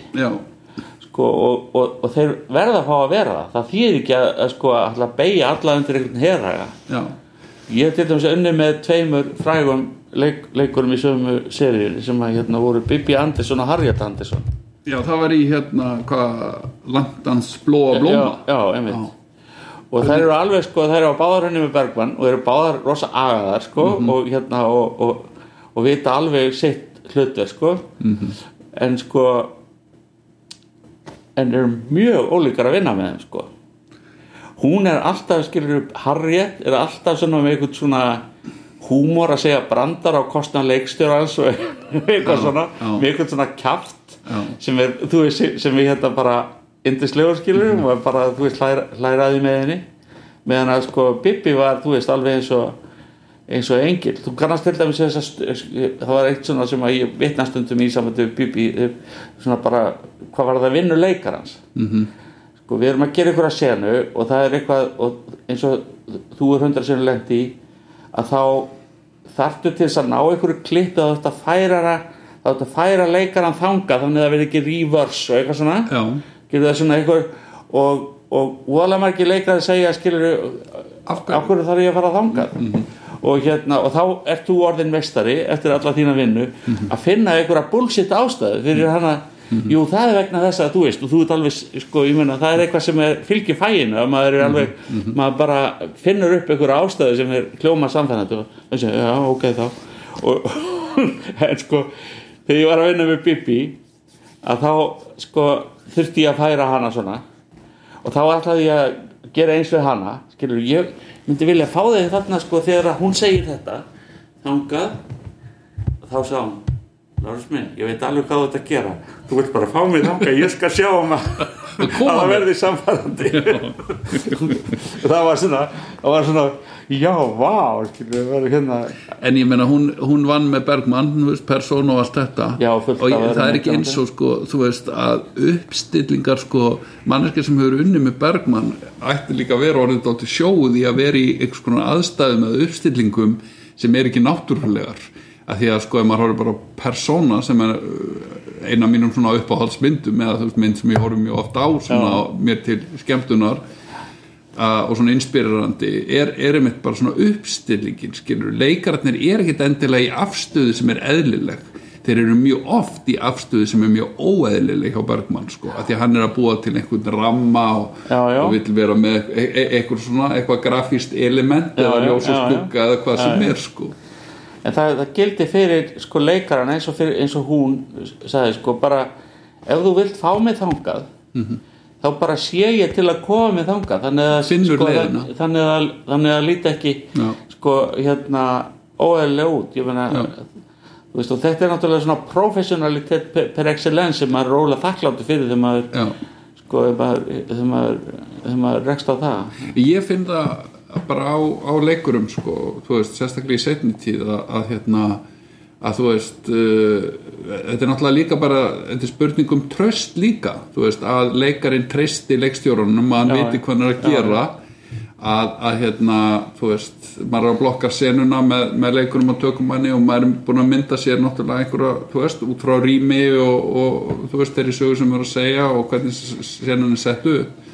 Sérstaklega maður er að færa myndavél innan senuna skilur, maður er kannski að gera mörg skot í einu, skilur, maður er að færa einhvern, á einhvern hátt. Já, að, að hérna og þú veist, þú ert með einhverja kannski veist, á einhverjum tímabúnd í senunni þá verður að verða einhver breyting skilur, því að það er einhver hugsanabreiting í senunni þá viltu líka að verða einhvers konar hreyfing í senunni, það verði ný afstafa eða eitthvað. Til að markera fyrir einhver, að ekki allt sé þú veist, á sama staðnum heldur markera visjóli fyrir einhvers konar hugmyndafræðilegri breytingu og eitthvað slíkt og ef að leikarinn treystir manni og maður er ekki að láta hann gera eitthvað absúrt skiluru, Já. þá finnst mér íslenski leikarar þú veist, sem eru margir hverjir komnum með talsverða reynslu Já, að þeir bara, þú veist þeir bara finna leiðina þú veist, að standa upp þarna eða setjast þarna eða færi sig þarna í já. sko. Ég held að þetta sé líka oft getur bara maður náttúrulega skotið inn einhvers konar, hérna, manni finnst það virkilega vera maður vill að viðkomandi standi upp á ákveðin hátt þá bara, hérna, til dæmis að hann er bara leiður á þessu djöðs kjaftaði, Já. hann er ekki að sitta upp borðið, þá nefnir maður það, skilur, og þá getur hann skilur, reagera þannig, sko. Já, já, eða, eða, físik, eða gera físik úr einhverju tilfinningu Já, eða eitthvað, skilur þú verður reyður eða, eða, eða þú veist, úr jafnvægi eða eitthvað, að, þá situr ekki kjör þú þarft að, að breyta einhverju sko. En auðvitað þú veist, að láta fólk bara eitthvað svona random reyfa sig í rými Já. gerir maður náttúrulega ekki nei. það, verður, það er einhver ástæða fyrir því annarkort visual ástæða eða einhver storytelling ástæða en þessi seria hérna það er eitt í þessu framhald að þessu bara með langar að hnýta við Já, hérna, já. Og, sem er sko sem er algjörlega auðvita þú veist um leiðu ég segi það að, að hérna eh, eh, hvað ég er að tala um Mhm. en, en þetta er svolítið vannveti að því leið þeir ekki, ekki nóg mikið tala, talað um það og, og margir sérstaklega ungi leikstjóra kannski vita þetta ekki Mhm. og það er það að sko það sem að gefur leikara öryggi það er að vita að þú sjáir allt sem hann er að gera. Mhm. sko það versta sem leikari lendir í það er það að gera einhverja senu og þú segir fínt ok. Og hann hefur tilfinningunni og hafið ekki séð þessa litlu breytingu sem hann gerði þarna í, á þriðu setningunni skilur já, og þannig að sko hérna að, að fyrir leikara er það óhemju mikilvægt að leikstjórin sjá hann. -hmm. og besta hrósi ég hef nokkuð að fengi sem leikstjóri það var þegar einn af okkar bestu leikurum á Íslandi sagði það var, það var eitthvað verið að diskutera eitthvað reyfingu og kameramaður og eitthvað þá sagði hún hérna Lárus sér allt. Og hérna sko þetta er eitthvað mesta sem ég hef fengið skilur mm. ég veist það, þú veist, fyrir utan allt eitt bara þetta að vita það að tilfinningin sem að viðkomandi hafði var það að ég sæi allt sem hún var að gera. Og þar með er hún trygg já það, það snýr, um- snýst um tröst sko af því að Já. leikarin, ef maður hugsa það sko þú veist uh, ég hef átt þessa diskussjón og svo hef ég bara sett þetta rauninni bara í form sko í mínum verkum svona í setni tíð að hérna ég sendi þú veist annarkvort tek fund með öllu grúin og öðrum tökur hefjast eða ég sendi bara svona ígur, vel, þú veist svona dítilagan tölvupóst með svona hugleiðingu og öðrum tökur hefjast. Þar sem ég bý til svona ákveðna uh, vinnureglu eða sem sagt hvernig, hvernig, hérna, hvernig eru samskipti á tökustað hvernig nálgustu hvort annað skilur hvernig stemmingu vil ég ná fram. Þú veist bara svona hvað andrumsloft Já. er vinnu í, í, í, bara í vinnuríminu ok, og hérna og ég, ég hérna, segja alltaf sko, þú veist, erfiða djópið á kvikmyndasetti er, er leikarans. Hann er í rauninni hans, hans djóp er erfiðast. Eh, að því leiti hann þarf, hann eða hún þarf að sko að, að hérna að, að oft á tíðum að vera berskjaldaður þú veist, inn, að- inn, inn, þú veist, inn að einhverju kviku uh, þarf að vera þú veist, að gera hluti sem að eru náttúrulega í sjálfu sér ekki náttúrulegir inn í einhverju svona vinnuumhverfi þú veist, að, að gera erfiða hluti kannski, sína erfiða tilfinningar við, þú veist, viðkvæmar hluti alls konar, þetta er mjög erfitt. Og til að komast þangað á þann stað að geta það þá þarf umhverfið að bjóða upp á það. Sem þýðir sko að, að leikarin verður að hafa frið og næði og re respekt frá umhverfi sínu til að líða vel af því að leikar sem líður illa ha- hann er ekkert að fara að sína þér eitthvað berskjaldað skilur, hann er ekki að fara að koma með neitt óvænt. Hann er bara að fara inn í örugastæðin sinn og performera. Já. en ef þú vilt fá þetta óvænta sem maður er alltaf að býða eftir þessi, þessi moment þar sem þú sérð eitthvað Já.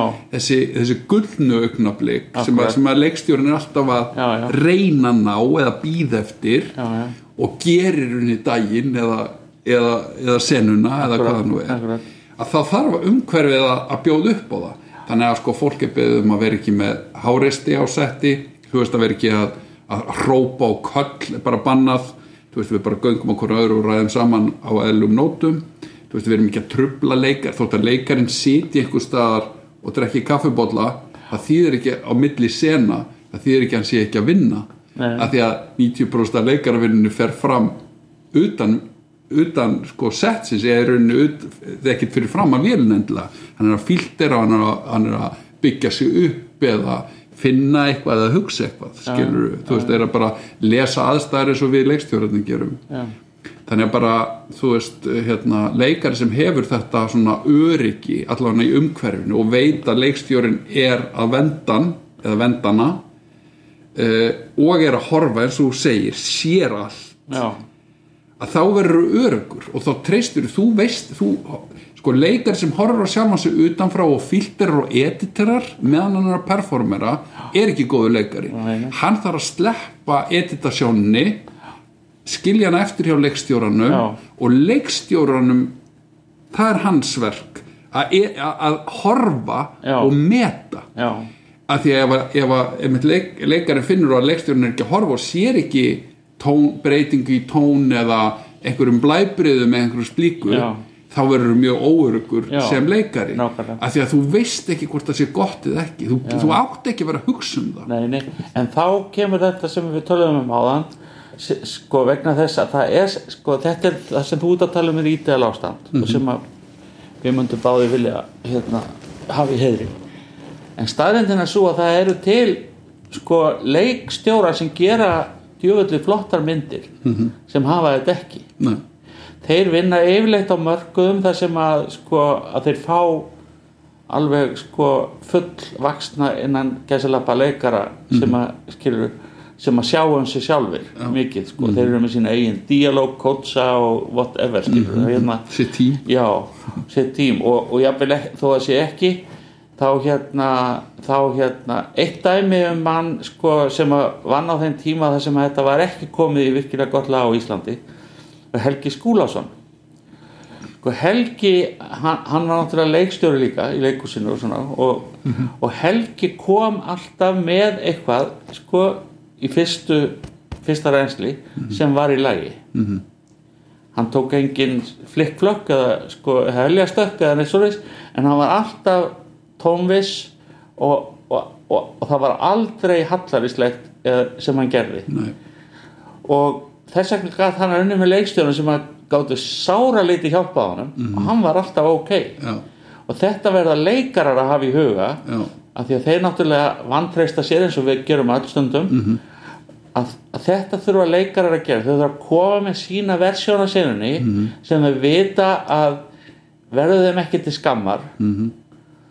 Og svo ef að leikstjónin hefur áhuga og kemur inn þá er það bara bónus. Já, þá bara blómstrar á þessa Já. Forvinnu skilur þannig að hérna þannig að, og þá er það, erum við að tala um fullt, fullt, fullt af leikstjóru sem er, eru, eru á, hafa gert mjög áhugaverða myndir og eru tektir í kveikmyndasögunni, ég meina Hitchcock saði, þú veist að leikstjóra væri búfía sem að rækjur myndavilna og, og hann náttúrulega var einn af þeim sem að sko skipulaði sig svo út í hörgul.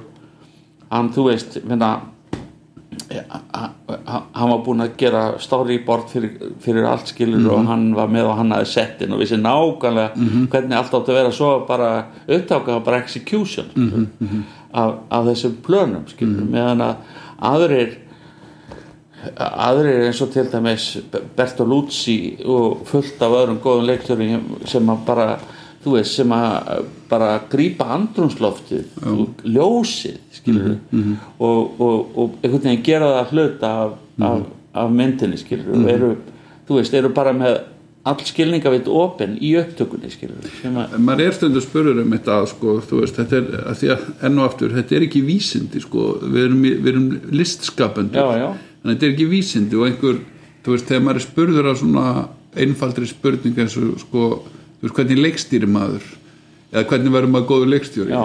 að þá er, verður mann náttúrulega orðavant að öðru leiti en maður getur líst hvað virkar fyrir mig skilur þú Já. veist, hvernig, hvernig, hvernig ger ég já, ég er, þú veist, ég er svona leikstjóri eða semst mínar aðferðir eru svona þær eru hvorki betri en verri en annara, að, annara manna aðferðir en þær virka fyrir mig Já. þær eru út frá sjálfu mér skilur út frá þú veist, mínum preferensum mínu geðslægi mínu hvaða nú er, skilur, Já, já. hver ég er sem manneskja. Nákvæmlega. og það, þá finn ég mína leið. En hún er ekkit hún, er ekki, hún virkar ekkit fyrir alla hún er ekkit rétt. Nei, nei. Og þú segir með Hitchcock sem að storyboardar allt eða, eða hvert sem er annan það er engin það er engin rétt leið til að gera hlutina. en það er samt, þú veist endri svolítið að það sem þú þarft að gera er alltaf það sama. Það er að búa til sem er, sem er satt eitthvað sem að snertir áhorfandan hvaða leiðir þú finnur þér til að komast Já, þangað. svo getur þú haft mismunandi sko, mismunandi markmið. Ég meina, leintaði ljóst. Ég meina, sömur kannski eins og Hitchcock er bara, hann er bara svona super storyteller hann bara, þú veist, hann bara er með öll element eins og þarf til þess að gera þig spenntan og, og hvaða nú er skilur sem hann vill ná fram skilur og hann bara, og, og er náttúrulega teknískur virtuós, þú veist með, hérna.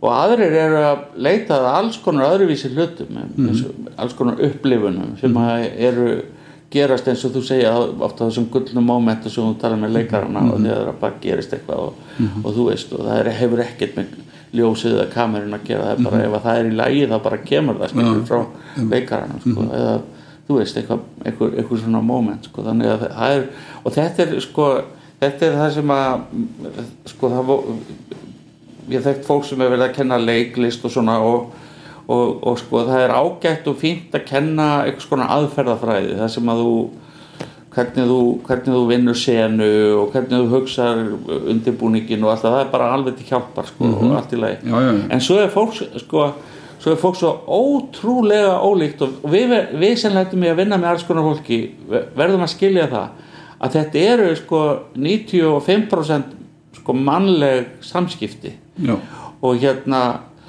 ég hef unnið með fólki sko sem að þú veist ég bara leikstýri sko, bara leikstýri bara með höndunum skilur Mhm.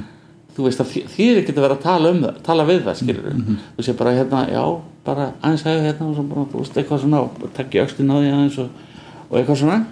Og hérna, og svo eru aðrir sko eins og ein alveg framúrskaðandi leikuna sem leik mikið fyrir Bergmann undir lokin hérna, eiginkona þess að Jónas Akkonel sko, eiginkona mín.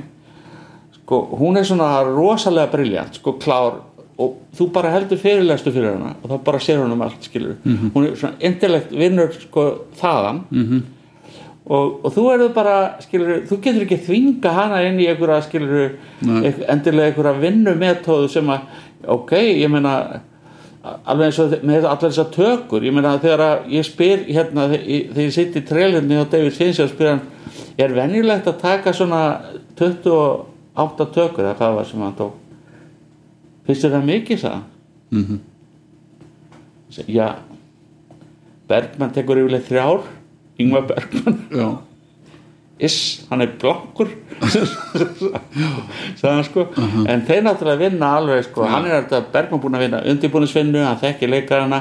Hann, hann dansar með þeim skilur í kringum jólatréð og skilur og hérna og er hérna og og, og, og, de, og býr til einhvers konar andrúsloft í kringum sjálfa sig skilur og hérna og svo bara einhvern veginn falla leikararnir inn í það og, og hlutinni gangu upp skilur meðan að finnst sér svona þú veist hérna bara þú veist ha- hann er náttúrulega örgulega fýtt við leikarana sína og, hvort þessu góður og allt það sko en, en hann hefur ekki sko, hann vinnur bara allt öðruvísi skilur, hann bara býður þannig að þessi framskæði leikari sem hann vinnur alltaf með hvers, hvað sem hann heitir kemur með það sem hann vil einmitt. og hann styrkur það að hann heyrir það hvernig það kemur skilur og ég, án þess væri hann glataður skilur já, ég veit eins og ég segi þeir, þetta, eru, þetta eru eins ólíkir menn og hugsast getur, Já. skilur eða þú veist, verkið þeirra og hvaða nú er sko. Já.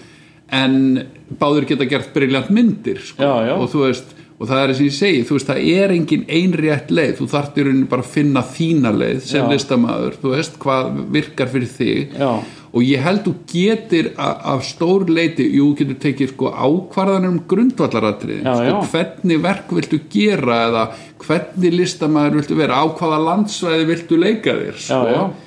En, en að finna aðferðirnar að, að finna hvað virkar og hvað virkar ekki getur ekki ákveðið nema að prófa það þú þarft að prófa þig áfram Já, já. þess vegna eins og ég segi sko, held ég að því eldri sem þú verður sko, þú veist, því meiri verkfæri og meiri reynslu þú hefur sapnað Já. því betri leikstjóri verðuru þú gerir ekkert endilega betri verk skilur, það er svo annað mál Já, sko, já, en já, þú verður betri leikstjóri. Já, já ég, það er bara, þú veist, það er náttúrulega bara maður, einn til dæmis hérna, eh, lítil saga sko sem að hérna, við þótti væntum sko var það, ég fann það út með eina leikona sem ég vann, sem var framhanskarandi leikona -hmm. að svona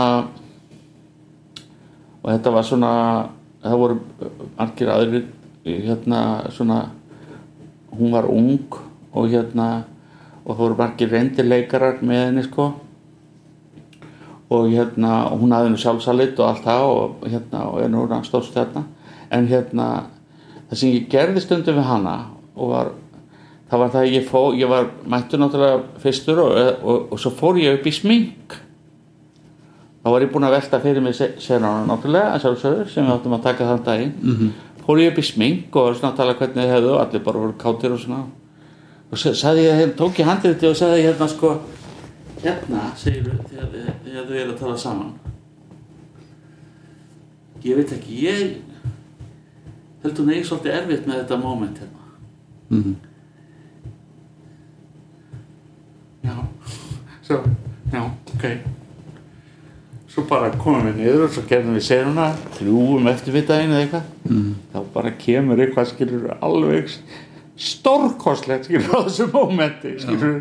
alveg að það er svo ótrúlega rewarding sko, að, hérna, að, fá þennan prósess svona sko, þá hafði þetta verið að mertast í henni sko. Já, og allt í henni bara skilur bara er hún að tala, hún er með alveg straight face skilur og bara leka tárin allt henni er andið það en þetta það, bara, veist, þetta er mjög gott dæmi um góða leikstjórn Lárus. Að, að hérna, þú ert með eitthvað þú veist uh, þú veist, einhverja tilfinningu gagvart einhverju augnablik í senunni. Uh, hérna þú vilt að það verði þú, að leikarinn markerið á einhvern máta að þú veist að það augnabliki skipt einhverju máli umfram eitthvað annað mögulega. Já, og það er meira að segja hættulegt til með að segja henni of mikið. ég mátti ekki segja nú Já, mikið sko. þarna, þe- þetta er góð leikstjórna því að sko, veist, þetta er ekki result leikstjórn sko, þú, veist, þú ert ekki að segja henni hvað hún er að gera. Þú ert ekki að koma inn og segja þegar þetta gerist í sinni Já. þá þarftu að brotna niður og gráta. af því þá ert að segja henni hvað hann á að gera. Já, já. en með því að segja ég held að þetta sé erfitt fyrir hana Já. það er sko leikstjórn sem að leikarinn getur unnið með Já, já. af því að þá getur leikarinn fundið hvað það er erfitt hvernig bregst það út þá býr hann til tilfinninguna Já. og hún br- brýst út á einhvern ákveðin máta með tárum eða hverju sem það nú er og það sem gerði sko í þessu tilfelli sem ég var að hugsa um uh, með datiðu Mhm. var sem sagt það að, að, að það kom svona sko hámarks interessant kvikmyndaleikur að því leiti til að hún var að berjast á móti tilfinningunni Já. personan -hmm. personan vildi ekki skilur að, skilur að þetta gerðist skilur, en hún bara gat ekki hún gat ekki varist í skilur, hérna, og þess vegna var það svona super interessant skilur, mm. að því að, að því að hérna, ef hún hefði bara verið að væla eða eitthvað, þú veist, á, þessu mómenti, og það, þú veist það hefði ekkert verið interessant skilur, en að því að, sko, karakterinn var, að berjast að sína ekki þessa tilfinningu, en, en bara hún varð að koma, þá var það svona super interessant, sko. já, einmitt. Já, en svo fer þetta líka oft eftir þú veist uh, þetta fer náttúrulega óbúslega mikið eftir sko mörgum ólíkum faktorum. Þú ert með eitt hlut sem er handritið skilur, og í handritið eru personur og einhverjir atbyrðir sem að verið er að segja sög af en og svo þarf að túlka það á einhvern máta og, og það sem að þú veist, eitthvað sem að þér finnst mjög mikilvægt skilur kannski e, það er ekkert sjálfgefið að næstu mannesku sem les handritið að hún lesi það eins Nei, nei. skilur Nei, nei. og hérna og ég held að hérna, því en því betra sem handritið er veist, frum efnið eða það sem byggt er á Já. því betra sem það er því meiri, meiri möguleikir að, að það verði eitthvað fæðist eitthvað af Já, því, og, sko. og, og ég vil bæta við þetta sko, að því meira sem það er þitt Já, þeim meiri líkur eru á að getur gert og þú getur gert það að þínu á þess að vera að skrifa handritið. Sko ég hef stundum bara sagt við handritsöfunda sem ég hef unni með sko þegar ég vil breyta í senu og ég segi því er þetta ekki bara ágætt sena segir höfundurinn? Sko nei, mér finnst hún ekki hún virkar ekki fyrir mig. Og svo bara er rauksendurinn þessi heldur ekki að sena verði betri ef að ég fíla hann í botn heldur en að ég fíla hann ekki í botn? Skilur, er ekki, skilur við þurfum að finna lausna á þessari senu sem þú ert ánæði með og ég er ánæði með. Því að þá fáum við maksimalt resultat út úr, skilur, út úr senunni. Ekki af því að þín versjón sé á einhvern objektívan illskilgrænulegan hátt betri heldur en þessi sem ég er að stinga upp á. Heldur að því að ert með þennan leikstjóra þá þarf að finna eitthvað sem hö- sko, að finna eitthvað sem höfða til hans svo að hann geti batnaða í upptökunni einmitt. og, og, hérna, og þetta er aldrei, hefur aldrei verið erfitt að finna laus sem báðum hendar þannig að hérna, Nei, þú veist þetta verða aldrei svona statusstríð vegna þess að markmiðið er alltaf bara góð kveikmynd eða góð sena í þessu tilfelli mm. og, og hérna en þú náttúrulega hefur önnur sem er svo mikið með þín eigin handrið þannig að þú, þetta er Já, einhver já. innri barata hjá þig Já, já, en ég hef náttúrulega líka unni með sko, þú veist, kollektíft með, þú veist, unni með, þú veist, leikurunum líka mikið, þú veist, og, og hérna, og öðrum höfundum eitthvað, þótt að hérna, að, að þetta snýst náttúrulega, hérna, þú veist, enn og aftur komandi á þennan, þennan stað sko, ef allir eru á sumu blaðsíðu ef allir vilja bara gera gott verk sko, og skilja samstarf og, og eru flexible að það náttúrulega er miklu líklega að, að hérna, út úr því kom eitthvað gott sko. að því átök hérna, eru alltaf hérna, jú, jú, ég er ekki að segja að það er engin regla, þú veist, af átökum getur eitthvað sprottið sko. Já. En, og komið eitthvað nýtt upp úr því sko. og hérna, margar kvikmyndir og margar að betri kvikmyndum sögunar að, góðum kvikmyndum sögunar sko, hafa ekkit verið auðveldar endilega nei, skilur nei. þannig að það er svo sem engin regla en, en hérna, þú veist, ég held að því ánæðara sem fólk er bara að mæti vinnuna þann daginn því meiri möguleikir að gerist eitthvað gott sko. Já, já. að það sé ekki kvöð eða óþægilegt eða eitthvað slíkt Já, uh, við erum búin að að fara vítt og breytt sko, hérna uh, kannski mér langar aðeins veist, kannski eh, komið ágætið svona ráð fyrir, fyrir sko, þú veist unga leikstjóra sem verður að hlusta í gegnum þetta allt saman. En, en ef við svona ef við spyr sko þú veist, þú veist hvað þú veist, hvað ætti fólk að hugsa þú veist, ungir leikstjóra hvað, hvað er það sem skiptir höfumáli ef við svona summarum það kannski dálítið upp sko. Já, það er hérna sko það, sko, það, það er hérna ég held að sé nú getur fólk verið að vinna á rosalega mörgum fastendum að hefur séð alls konar fólk sem er farið í kveikmyndagerð bara því að það fílar að fara í bíó skilur og þú veist Batman er það besta sem hann veit eða eitthvað skilur og það er bara allt í, allt í fínasta lagi skilur það er bara þá ertu bara, þá ertu bara að búa til eit- eitthvað svona sem að er bara þér finnst skemmtilegt. -hmm. og ég menna það er gert sem komnir úr, úr einhvern svona bakgrunni eins og kannski ég og þú eins og ég var að lýsa hérna í, í byrjun þú veist að maður er galdraður upp úr skónum af Fellini eða eitthvað skilur mm -hmm.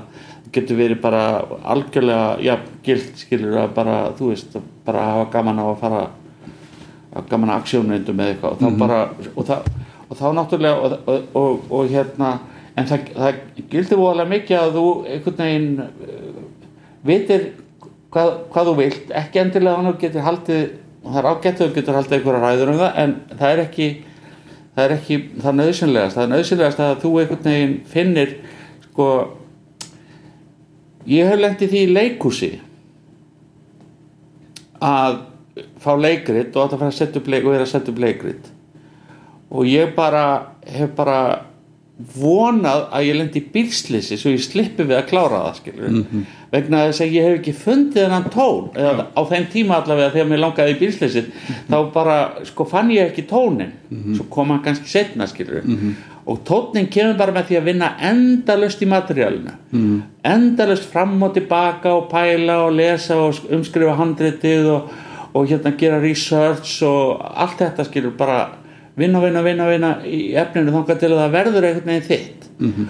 og, og, og svo það næsta sem að vantaði kannski svolítið aðeins í diskussjónu á þannig að svona að því ég gerir nú ekki mörg svona viðtöl og kannski þetta bara það eina að hérna að þá maður að reyna að koma þessum fáum hlutum sem maður hefur svona einhvern veginn fasta, fe- fest í sem mikilvægir til skila hérna. Sko, og það er það að því að þú ert búin að finna þú ert búin að finna hvert þú vilt fara á hva- hvað þetta er sem þú ert að gera enn og aftur án þess að kunna endilega útskýra það. Það er náttúrulega að þú lendir í því miljón sinnum sko eða þúsund sinnum eða tíu þúsund sinnum þegar þú ert við upptöku að, að þú ert að taka ákvörðun og í rauninni er útskýringin þín á ákvörðu þú tekur þessi ákvörðun hún er bara aukaatriði -hmm. það er það að þú veist að það á að vera svona en ekki hins eginn sem er mikilvægt -hmm. svo er það bara þjónusta við samverka fólki að þú að þú lærir að útskýra það skilur þannig að það, það sé með og, og ef þú hefur einhvers konar svona hefur einhvers konar svona nærðir í þessa tilfinningu fyrir hvert þú vilt fara við getum kallað tón eða við getum kallað einhvers konar stefnu. Segjum bara líkjum því við bara svona átt. Segjum ég sitt hérna á bendi að hana glugga eða. -hmm. og, og hérna og ef ég get komið öllum sem ég er að vinna saman e, e, e, hérna e, í skilningum það að ég vil fara í áttina að þessum glugga hérna. -hmm. þá er allar hugmyndirna sem ég fæ sem að eru vonandi sem flestar. Já, frá sem flestum -hmm. þá eru þær allar í áttina þessum glugga -hmm. eða rétt singvarum megin við hann -hmm. en ég veit að það sem að sko, mín tilfinning segir að það sé tríða þarna sem ég sé þarna út um gluggan sem ég sé raunverulega markmiðið en þa þá er ég alltaf að fá hugmyndir sem eru mjög nálægt því sem ég vil og oft get ég sko gert þær þannig að það er sveiktar aðeins af en ef ég er að fá sko hérna uh, hugmyndir sem að sko benda á dittnar mm -hmm. skilur þá get ég ekkert nota þær skilur þannig að það er, það er svolítið á mína ábyrgd Já. að koma öllu fólkinu á þann stað að það bendi allavega í rétta átt þegar það er að koma með hugmyndir sko. einmitt, einmitt nákvæmlega, nákvæmlega það er, það er þetta sko talandum að þetta snúist 90, eins og þú nefndir hérna fyrir sko, þetta snýst 95% um mannleg samskipti já, já, og, og hérna og uh, þú veist að koma öllum á sömu blaðsíðu er mikilvægt Já, skilur já. og, og, og einmitt að vera opinn uh, hérna þetta er annað sem ég set, set inn í þetta uh, þetta bref sem ég sendi á, á krúið mitt sko fyrir tökur. Já, ég segi ég gef sko, sko opið leifi frá öllum sem að eru í krúinu sem er í þessari fjölskyldu að fara að búa til þetta já. projekt já, að koma með hugmyndir. Já. ég segi, ég byði um sko, þú veist, ég til í að hlusta á hugmyndir úr öllum áttum frá hverjum sem er af setti. Eh, en ég byð fólk um að, að minnsta kosti hugsa þær áður þar orða þær. Já, og að þær, þær leiði að, að, að þú veist að þær séu innan sko marka verkefnisins Já. eða þess sem fyrir og líka mikilvægt að þau áttu að segja því að, að það, það er ekkit allar hugmyndir stemma og það er engin persónuleg móðgun nei, nei, og maður tekur bara allt í greina en eins og segir, þú veist með lampaskermin sem er borin fyrir Tarkovski, skilur Já. þú veist, þú, það er einhvað instinkt sem segir að þessi þrýr lampaskermar sem að leikmyndadeildin býður upp á Já. sé ekki réttir uh, hvort hann hafi kom, komið í orðið ekki og hvað vill nákvæmlega en það er allavega ekki þetta þrennt Já. og það er þá allavega skilaboð frá Tarkovski til leikmyndadeildar Já. að þessi þrýr lampar sem þau eru að bjóða honum upp á Já.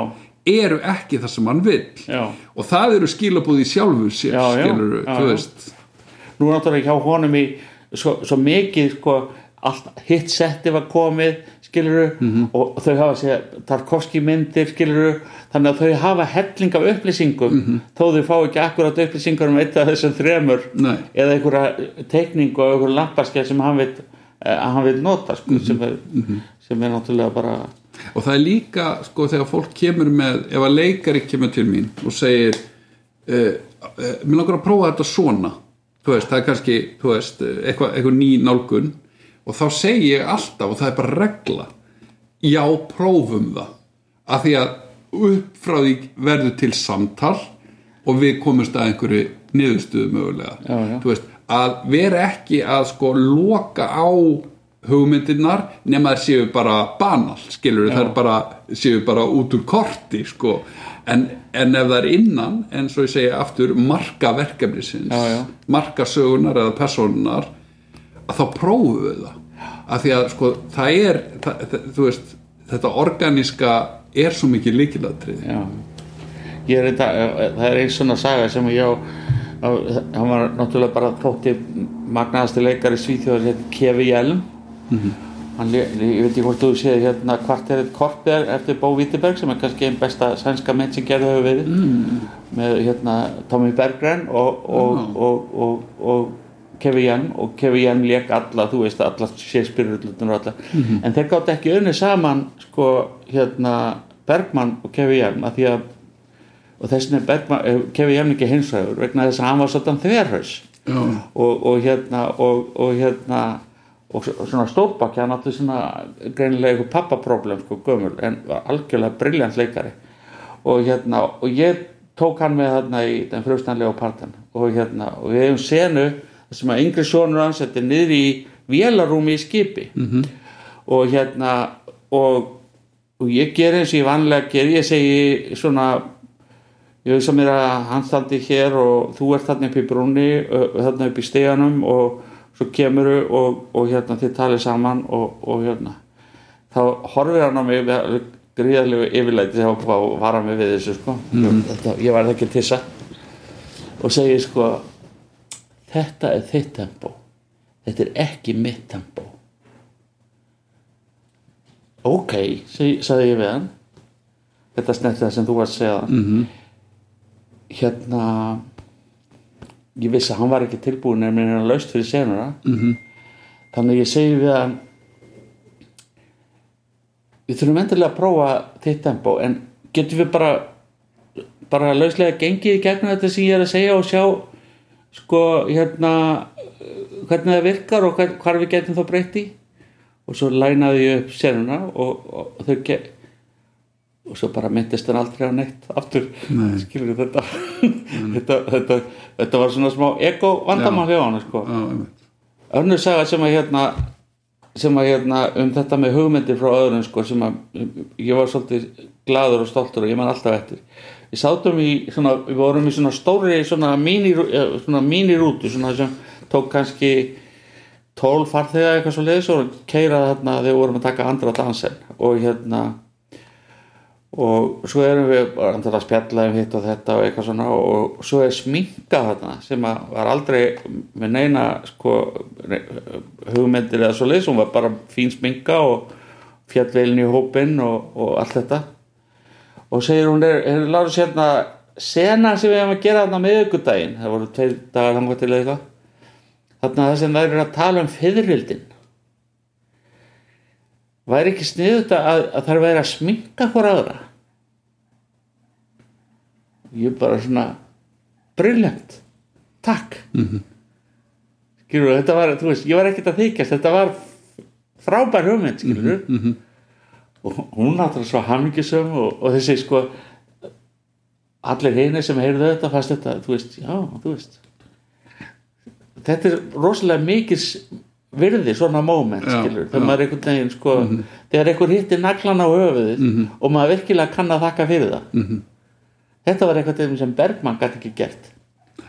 Hann sko þó að veri velaunaðasti og umfjallagasti sko listamaður veraldarsöguna, ég held að það hafi verið skrifaðar um hann 120 bækur eitthvað hann hefur sínt heiðus orða hérna Parísar og unnið öll kann og Óskar, Óskar og. Fener og allt hvað það heitir sko þegar þau voru að klippa saman þetta mynda sem hann skrifaði sem Líf Úlman leikstýri þá var hann við klippiborðið hérna Mísel Esilovski vinnum minn sem var hérna professor hérna við DA í klippingu -hmm. og ferðast út um allan heim sem svona doktor hjálpa fólki að róa í, sama myndum og er rosalega flottur dramatúrk og, og, og afbúrða klár náungi. -hmm.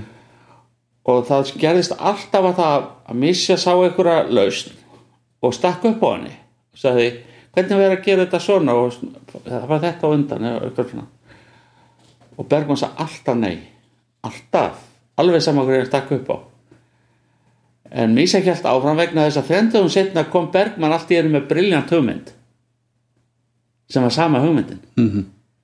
þá átti hann hana skilur hugsaði sko hérna. Já, þannig að við erum búin að tala um hvernig við lögum okkur að hérna, lögum okkur að, hérna, að, að samstarfólki okkar. Mhm. En það er reynda líka þannig að samstarfólki þarf að laga sig að okkur. Já, við erum náttúrulega allan mögulega að nota líka leikstjórarnir sko.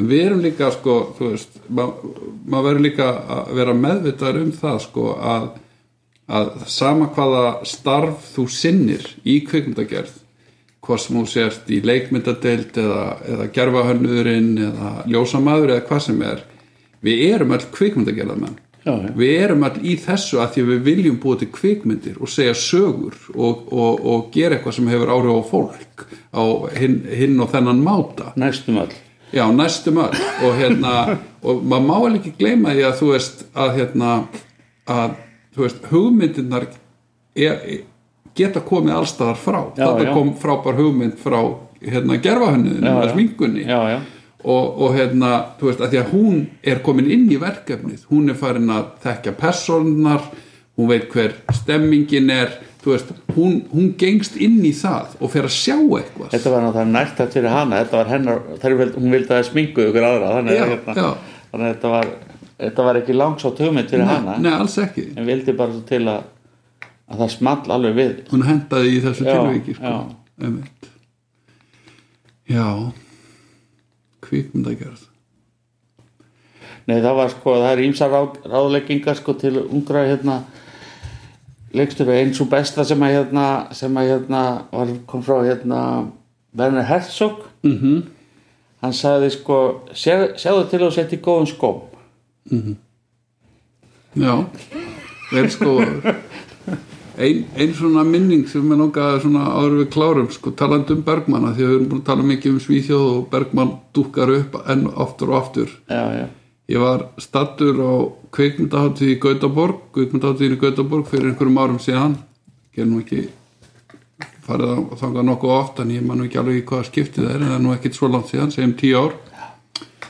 Og það er svona loka hóf uh, átíðarinn. Það verið að veita einhver vellaun og svona, það þú veist, fólk kemur í sínu fínasta pússi og það er svona verið að rap, rap things up, sko.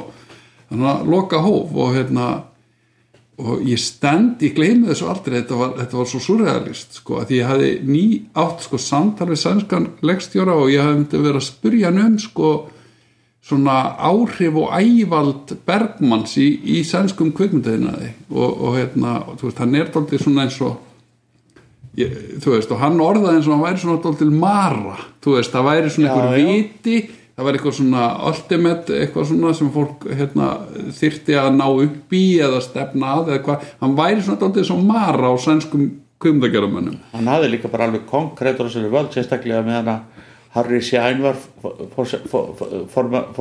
forstjóri sæðsku kvipindastofnunina, þeir voru bara mjög náni vinnir og, og í daglegu eða tíðu sambandi. Já, og ég stend þarna og ég er einhvern veginn eh, stend einhvern veginn einn eða ég ætla hann í minningunni og stend ég svona einn með eitthvað kampaðumsglas og, og það er svona, hópurinn er dálítið svona frá og, og hérna ég, mér verður svona lítið er um kvöld, það er svona, það er svona í ljósaskiptunum, það er svona smá tekning í himni og, mér verður svona lítið um gluggan og svona gluggaveggur þar sem ég stóð og ég sé þetta, þú veist, auðvitað dramatiserar maður allar minningar en í minningunni þá gerist þetta í slow motion. Að ég sé sem sagt svona 5 metra háan Ingmar Bergmann koma lappandi svona yfir grasflött í áttað húsinu. Og það sem var raun að vera að gerast það, það var maður sem sagt á stultum í jakkafötum í stultum, maður sá ekki stulturnar og hann var með svona pappamassa höfuð sem var svona meter sinnum meter eða meter sinnum tveir og á herðunum. Já. þannig að þetta var svona 5 metra hár Ingmar Bergmann sem stíkaði svona yfir grasflutin í átt á húsinu. Og mér fannst þetta svo tákrænt að það var einhverjir sko, kvimdagerðar með nútímanns að, í einhverju uppskeru hátíð á einhverju festivali. En fyrir utan gluggan var skrýmsli og þetta, var bara svona grift í minninguna. Hann var einhvern veginn hann var ennþá á staðnum skilur Já, já. með uppblásið höfuð og hann var alltaf, líka þeir sem koma eftir Harry Schein, hann var alltaf í sambandi og hann var með sín eigin vellaun sem hann getna veitti einhverju sem hafði unni með honum einhvern tímann sko svona lifetime uh, achievement award eitthvað skilur í þá veruna sko mm -hmm. þannig að hann, hans presens var alltaf hann mætti aldrei sko en, en hans andi sveif alltaf við vatnunum allavega, nú er langt síðan ég var hann en, en, en það, það var það allavega, nú er hann náttúrulega dáin líka og öldin önnur sko. Já. Heyrðu, ég held að við hérna, höfum farið viðan völl en, en, en já, við erum komin í tæpa tvo halvan tíma. Ég held að við hérna, látum bara staðan um í hér og takk fyrir spjalli Lárus og, og hérna og uh, njótum sumarsins. Takk sem leiðis